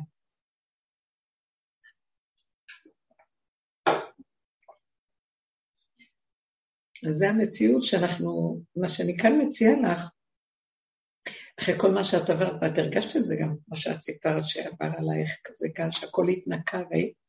משהו יותר אה, דק. אבל, אבל אז גם הבאתי מכל הסדר הזה היומי שאני מנסה בכל זאת לתת להם משהו. כי יש בי איזה מקום שאומרים, יאללה, די, אל תשימי שעון מעורר, אל, ת, אל תנסי לעשות להם כזה, זה, ומה שיהיה, מה שהם ילמדו, הם ילמדו, ומה שלא, לא. אבל זה כאילו, זה גם, זה לא אני, זה גם עוד איזה פתרון שעץ הדת מנסה להביא. תשלבי. השילוב, הכוונה ככה, כלפי חוץ תעשי,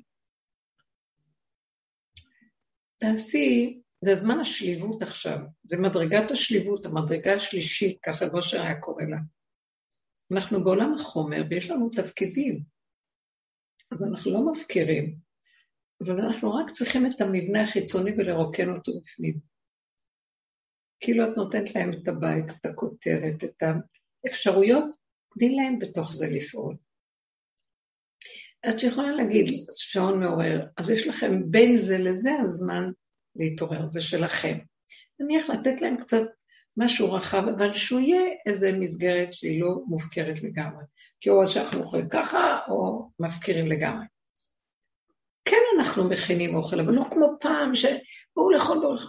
מכינה איזה סיר, הכל רפוי, שכן נמצא בתפקיד, אבל אין בו את הנוקשות של הכפייתיות, חייב ככה, לא חייב ככה, כן, החשבונאות הזאת. רפוי, אז את משלבת, מסדרת, כי בני הבית צריכים מה שהם צריכים. אבל לא מה שהיה פעם, שזה היה אובססיבי וכפייתי, והחרדה מתלווה, מה יהיה איתם, לא יהיה איתם, ואם אני לא, אז מי כן, וכל החשבונאות והפתרונות האלה לא שייכים בכלל. כל העולם והעצות שלו וכל השיטות והשטותים שיש בעולם. אבל יש הרבה דברים שהשתחררו, אבל אני בטבע שלי חשבונאית וקפדנית וקשה.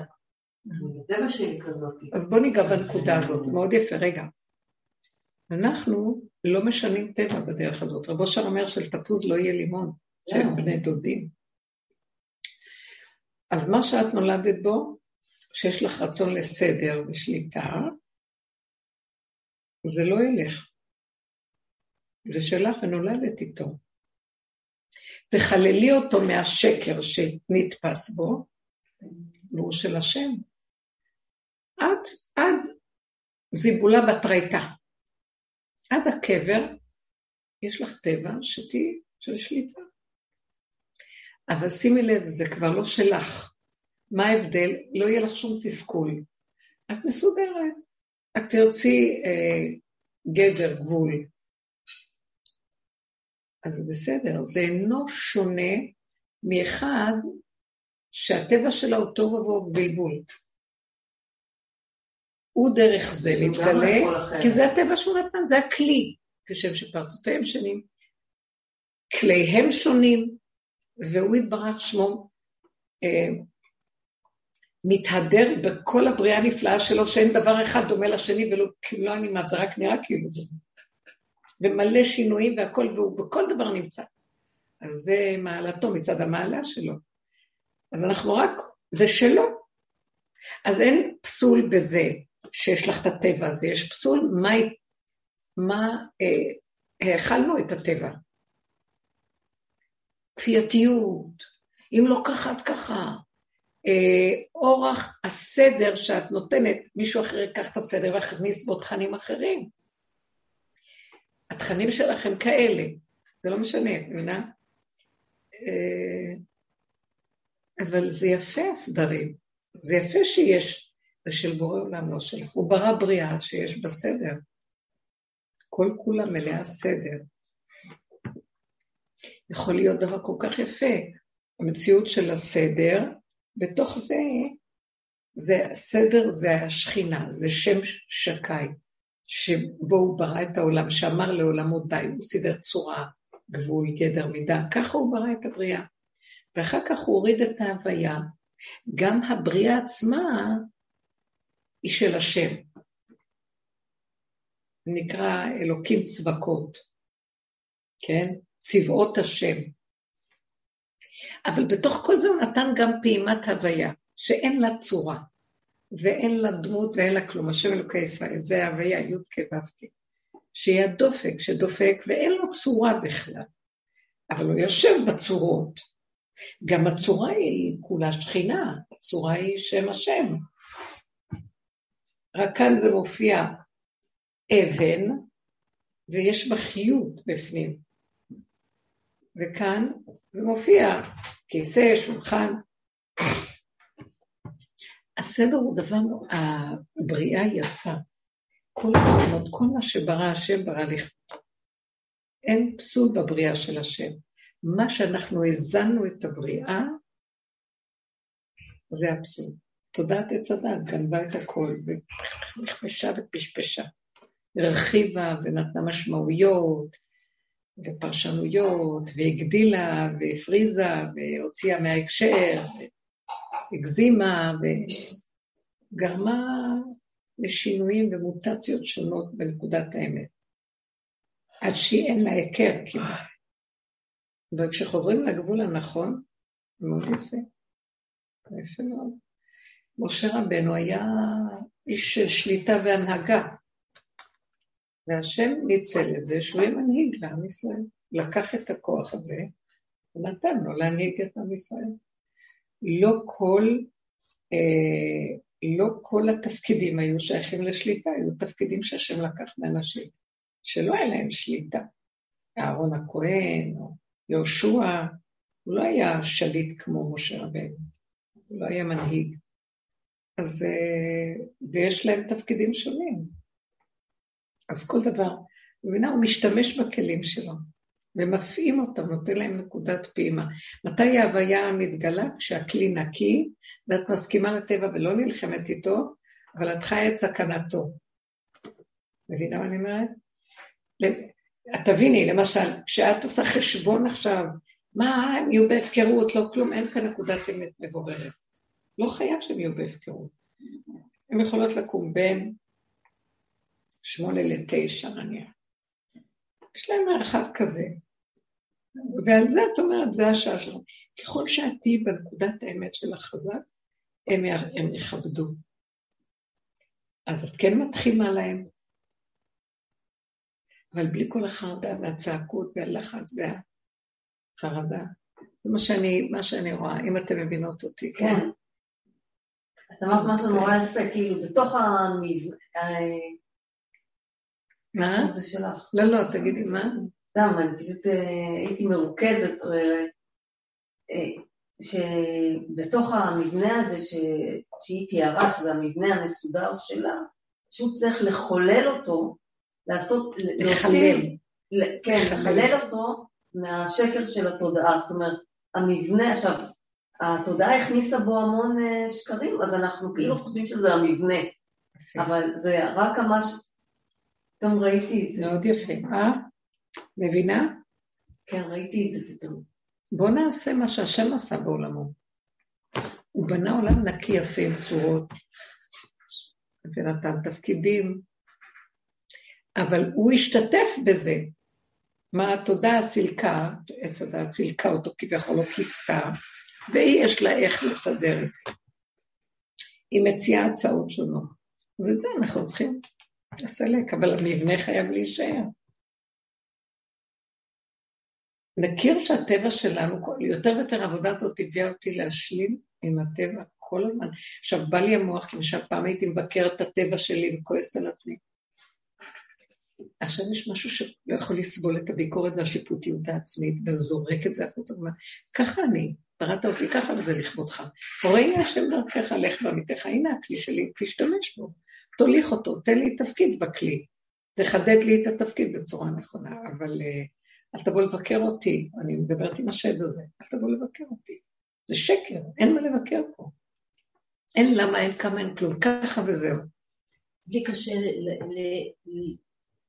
להתחנן שהבן שלי, שהוא בכיתה י', ילך כל יום לבית ספר, הוא לא רוצה. הוא לא רוצה. אז, אז מה אני, אז הטבע שלי לא רוצה להכריח, לא רוצה להתחנן. אתה צריך לרצות. הוא לא רוצה, אני, אני מרפה, אבל, אבל אז השדים זה של אני מתרשלת מתפקידי. יש אפשרויות אחרות, תראו, אני יכולה לראות את זה ככה, אנחנו בתור הורים, יש לנו אחריות על משהו מסוים, שהילדים לא יהיו בהפקרות. אבל אנחנו, ברגע שמנקים את הכלים שלנו, אנחנו הורה. התפקיד הוא, אנחנו בן אדם שיש לו גם תפקיד שהוא נקרא הורה, חוץ מזה שיש לנו מהות פנימית לעצמית, לעצמנו, בקשר שלנו בעבודה הפרטית. אז ההורה הזה, יש עליו איזה תפקיד. עכשיו, אם הוא לא מצליח ברמה מסוימת באפשרות אחת, אז אולי הוא יכול לחשוב, תראה, הוא אומר לילד, הפקרות לא מתאים. אתה צריך לבחור בין האפשרויות, זה, זה, זה, זה. אתה לא רוצה ללכת לבית הספר, יש לך משהו אחר, אלטרנטיבה אחרת, בית ספר אחר. חייב, אז חייב ללמוד איזה מקצוע. אתה לא רוצה ללמוד מבחינת לימודים, אולי אתה רוצה ללמוד בבית, או במסגרת אחרת שאתה יותר פרטי לומד עם עצמך. תאפשרי לו אפשרויות. אולי אתה לא רוצה מבחינה אנליטית, אולי אני אלמד אותך איזה מקצוע, מקצוע פשוט, שיהיה לך, אבל אנחנו כן צריכים לעזור להם לנתב את עצמם כפי כל אחד מה שהוא. וחנוך לנער על פי דרכו, כי גם כי יזקון, יזקינו, לא יסור ממנה, בגלל שזה הטבע שלו, הטבע הוא מדהים. חפשו את נקודת הטבע שבכל אדם ורק איתה תלכו, שם יושב השם. גאון חכם הרזים שברא את הבריאה הזאת עם התוואים השונים. רק לא מה שלכלכו אותה. עכשיו, למה הילד הזה לא רוצה ללכת לבית ספר? מה קרה ישמח? למה שכן ירצה ללכת השאלה? נכון, אני מבינה אותו. מה, ימשוך שם?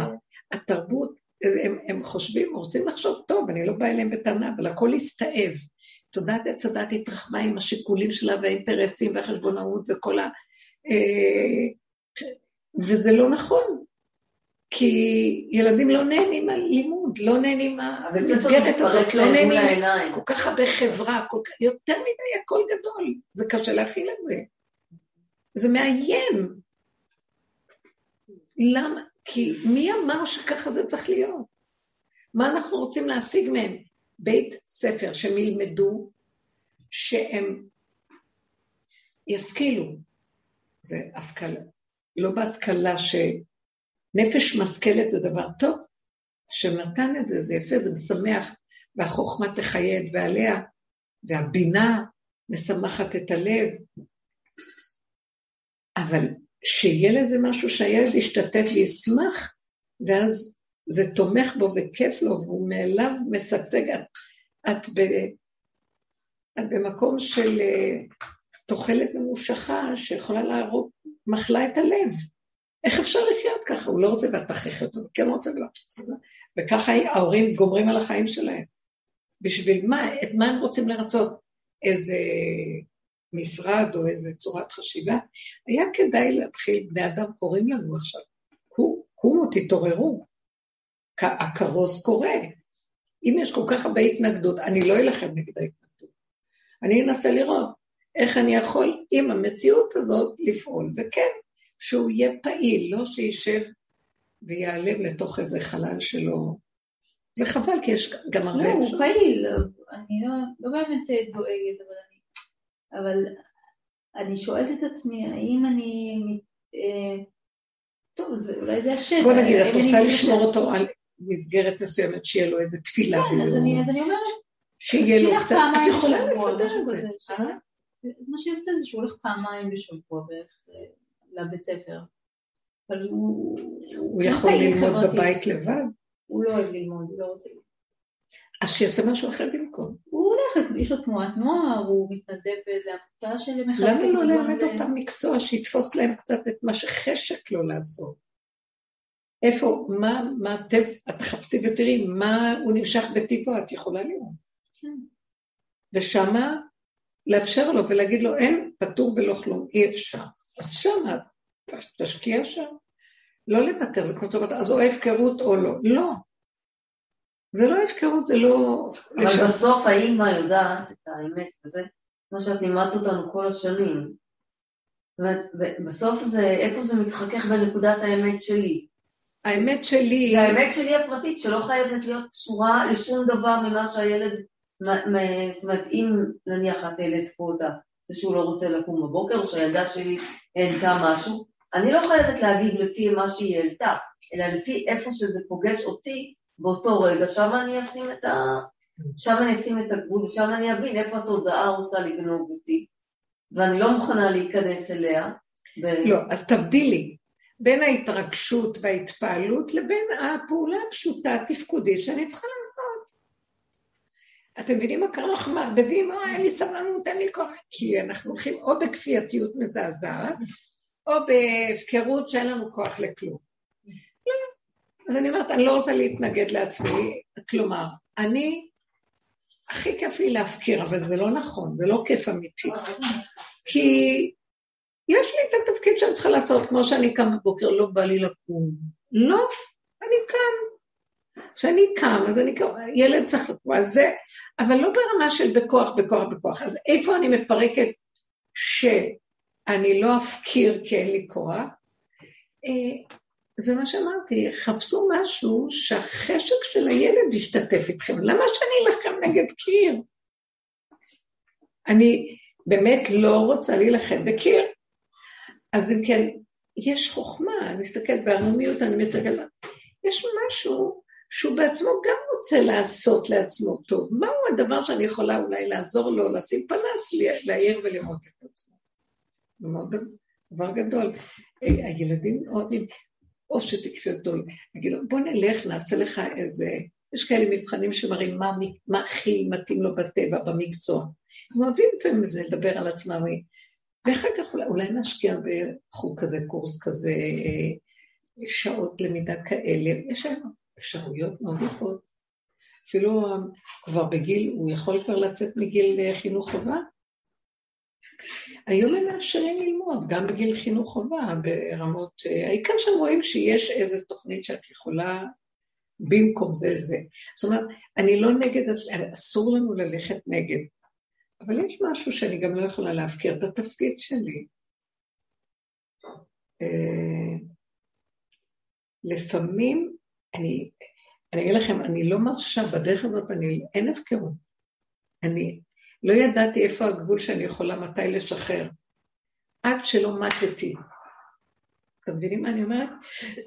איך אני אדע? עד שכבר הגעתי לגבול שאני אומרת, כאשר עבדתי, עבדתי. לא רוצה יותר. אז האדם יודע. עד אז זה הפקרו. אני לא יכול להגיד לא.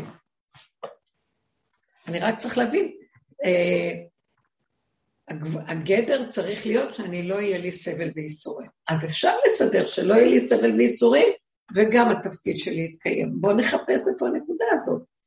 מתפללים, מבקשים, והשם נותן עין לראות. האמא רואה, יש לה עין שרואה, אבל הפקרות זה לא. עץ הדעת כל כולה הפקרות. גם אלה שהולכים אחרי הממון והזה, והם כל היום עובדים מהבוקר עד הבוקר, זה הפקרות. זה לא המקום שאנחנו... ואם נגיד הוא אומר לה, לא רוצה ללמוד. איך, איך? ואם הוא אומר לה, נגיד, לא רוצה ללמוד, אני רוצה רק בחברים, משחקים, מה שהיא אומרת, את אומרת... אין דבר כזה. אין דבר. מה, אבל איפה זה מתחבר לדרך? מה זה הדבר? איפה זה קשור אליי? את יכולה להגיד לו, חברי אותו לדרך. ותגידי לו, אין דבר כזה הפקרות.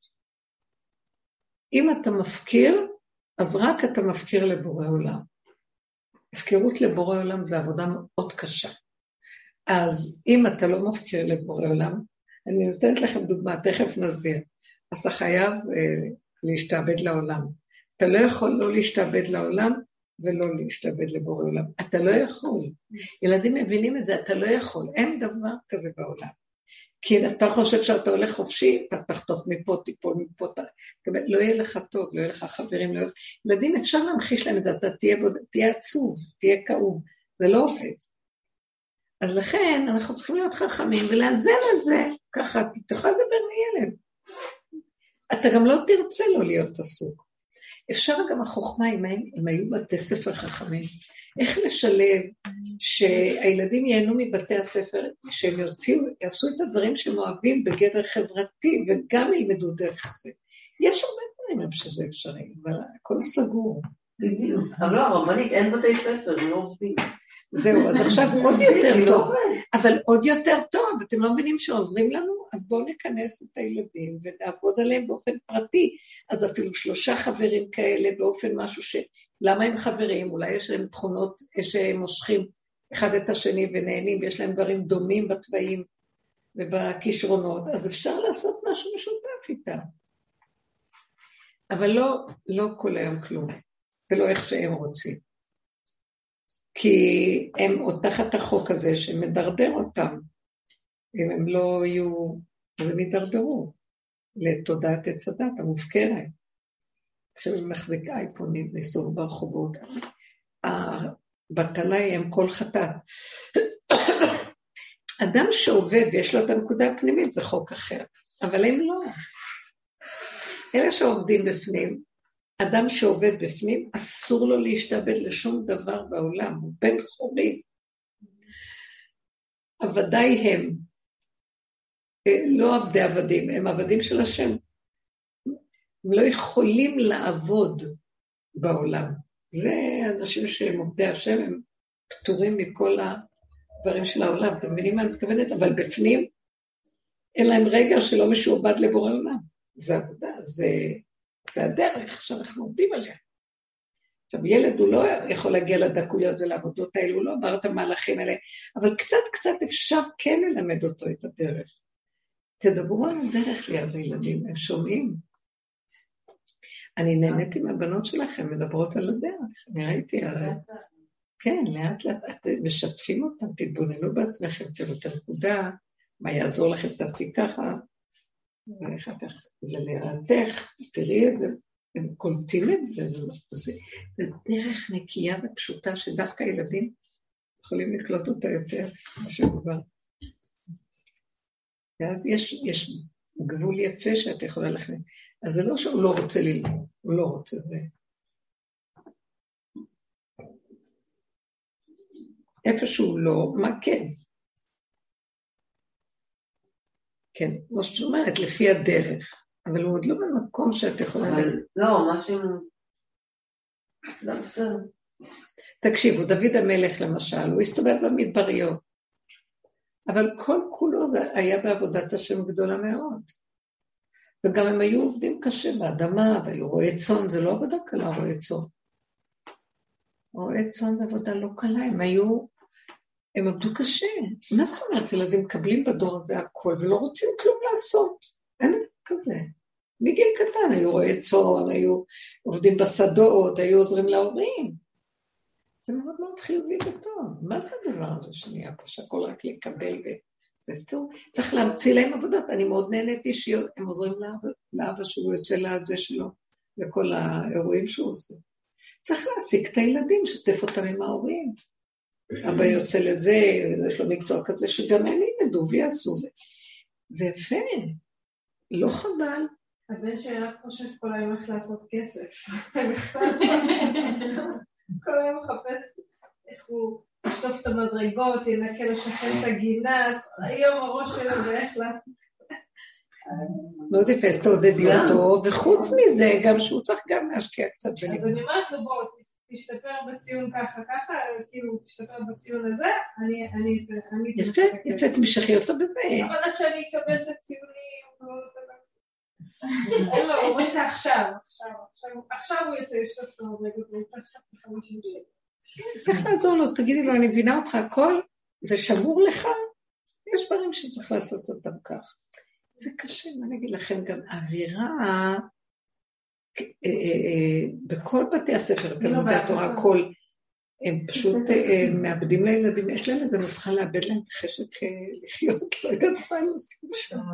הם באים מהנחם של המוח, גם את התורה לקחו וכבר אין בהם גם תיקות שהייתה פעם. זה קשה מאוד. אני חושבת שזה הרבה מעבר לבתי ספר. איך? אני חושבת שזה הרבה מעבר לבתי הספר. יש משהו ממש שמרגישים, אני מרגישה אותו בדור הזה. המוח נופל. כן, הם לא רוצים לעשות כלום, הם לא רוצים ללמוד, הם יודעים הכל, אי אפשר ללמד אותם, אין להם כוח גם לעשות, שלא בא להם לעשות שום דבר. אה, חלק בגלל המסכים, כאילו הרבה בגלל המסכים. הם נשאבים למסכים, וזהו, כאילו... כן, כמו כן. גולם מול מסך אבל. מסכים. כן. יש בזה דבר אחד טוב שאני רואה, שהוא שואב את עץ הדעת, הוא שואב את ה... זה כאילו... מה זה שואב? הוא שואב, אז הם נהיו גלמים, הם נהיים גלמים, ואז האור החדש יכול לרדת אליהם. הם עושה לנו את העבודה. זה. לא, אבל זה מסדרים תת-קרקעיים, אה, נכון, לא בדיוק... אה, כן, לא, התכנים קשים, צריך לעשות קצת מיון, אי אפשר כן, לתת כן, להם משהו.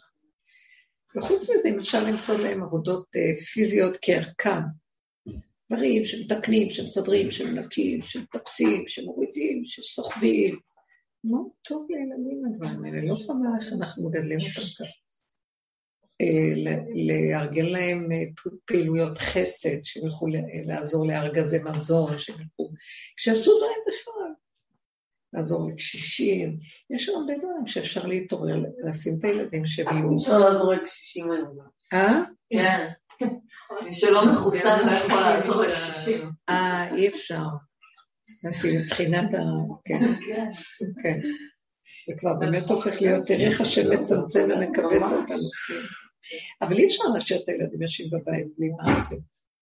שהם יהיו אחראים על עבודות הבית, שיהיו אחראים על אה, לארגן, לסדר, לבשל, לנקות, הם היו חייבים. פולי כביסות, אה, שיעשו דברים, בנים שיעשו דברים. יש הרבה דברים שיכולים לעשות. לא להשאיר רפוי, שהבן אדם לא יהיה בלי כלום. אה, כן. בתוך זה, לפחות בתוך זה יהיה להם פה כמה, יהיה להם בטח איזה שעות של כלום, אבל שיהיה להם איזה דברים לעשות, העשייה היא מאוד מאוד טובה. העשייה מחיה. אם לא, זה מאפיל עלינו נכאות, מתחילים להגיע לנכאות, נכס, לא מחשבות אובדניות, לא טוב הדבר, לא טוב. כן. שיעשו דברים של הבית, של כל המכולת, שיביאו, שיקחו. ואם אפשר לסדר להם, שיהיה להם כיף עם זה. ירצו, ייהנו מזה. כן. זה תלוי בנו, שאנחנו, גם אנחנו לא צריכים, אה, מרוב כאבים פה, אנחנו בורחים לפה, לא זה ולא זה. בהתמדה, בקביעות, יש משמעות, יש תפקיד, המהות נושמת וחי את הרגע, לא נותנים למוח. כשהמוח מחובה, יותר קל לעשות את מה שאני מדברת. לא רוצה לחשוב, לא רוצה כלום. יש לי תפקיד, יש לי מה לעשות, יש לי זה. זה כמו שאמרתי לכם, מהבוקר, מאתמול בלילה, אמרתי, מה אני אחשוב? אוי ואבוי. כל כך הרבה פעולות אני מסתכלת, אני אומרת, לא יודעת איך עשיתי את כל הפעולות האלה, זה לא יאומן. כן, הייתה סעודת יורצייט שכל המשפחה באה, ובתוך שעתיים העמדתי את הכל, ולבד, אף אחד לא... ולערוך, ולסדר, ולקנות, ולהביא. וטק, טק, טק, טק, טק, טק. ואמרתי, אם המוח היה פתוח, והיו לי רגעים שהשתתה להם מחשבת מרירות קצת. ביקשתי ממישהו שיביא לי כלים חד פעמים, וכשבאתי לא ראיתי שזה היה. אז עכשיו אמרתי, אני גם, דבר מחשבה, אני גם צריכה זה וגם זה וגם, וגם ביקשתי משהו וזה. אז ישר ראיתי את המרירות נכנסת, עכשיו אני צריך ללכת לקנות. ותוך כדי, פעלתי בתזזית כזאת שנתגנבה לשם נקודה של מרירות, נפל איזה אה, ואזה יפה נפלה, נשברה. אני הולכת לשם, היד אה, חטפה איזה קביעה כזאת מהזה. נפל לי, אז כל הסלט של המטבוחה נפל על הרצפה והשפריץ הכל. ואז אמרתי, אתה קורא לי, תודה. לא מגיע לי כלום, הכל בסדר, צריך להתקן ולגמור, מה אתה רוצה? ואז ראיתי שאפילו בתוך כל זה להרים טיפה ראש ועוד לבוא באיזה טענה, אומר, כלום, מה קרה? מצוין, הכל טוב. ועכשיו, פתאום הגיעו כולם, איך את... ורק חשבתי, רק אני אפתח את המוח, אני לא יודעת מה אני אעשה, פחדתי פחד מוות מבכלל להקשיב למה שאומרים. כי הרגשתי שהכל זה רק הוא, זה רק הוא, זה רק הוא. אי אפשר גם, אני אומרת להם, זה הכל הוא, את... כן, אתם מבינים, כן, כן. מה, לא להיות צנועה מדי. באמת זה הכל רק הוא, זה לא יכול להיות אחרת. כי אם המוח שזה אני סגור, אז הכל זה רק הוא. זה גולם שפועל רק... וזה, זה, צריך להביא את הילדים למקום, זה חבל על המחשבות, שלא יקלקלו לנו את הפשטות הקיומית היפה שיש בה אור כל הזמן שיורד של השכינה, של הדופק של החיים, ואם שמחת לב, אין רגע דל. יש חיות, לא חבל, למה שאנחנו נלך לאיבוד? ילדים דווקא חייבים להכניס אותם לדרך. שמח אותם עם הדרך. אני ראיתי... צריכה להגיד לו, כיף לעשות, אי אפשר לא לעשות. לא, זה משמח את הלב. לא, אצלה זה לא הבעיה. על הלימוד, על הלימוד. יופי, תודה רבה, השעה כבר מאוחרת, דיברנו הרבה, ישועת השם. אור חדש יורד, ואנחנו, הכלים הם אה, מדהימים מהדרך הזאת, כמה יש לי הכרת הטוב אליה. וזה האור שיורד עכשיו, הוא נקודת עבודה. זה לא לדבר, זה לחיות את זה, אמן כן יהיה רצון. תודה.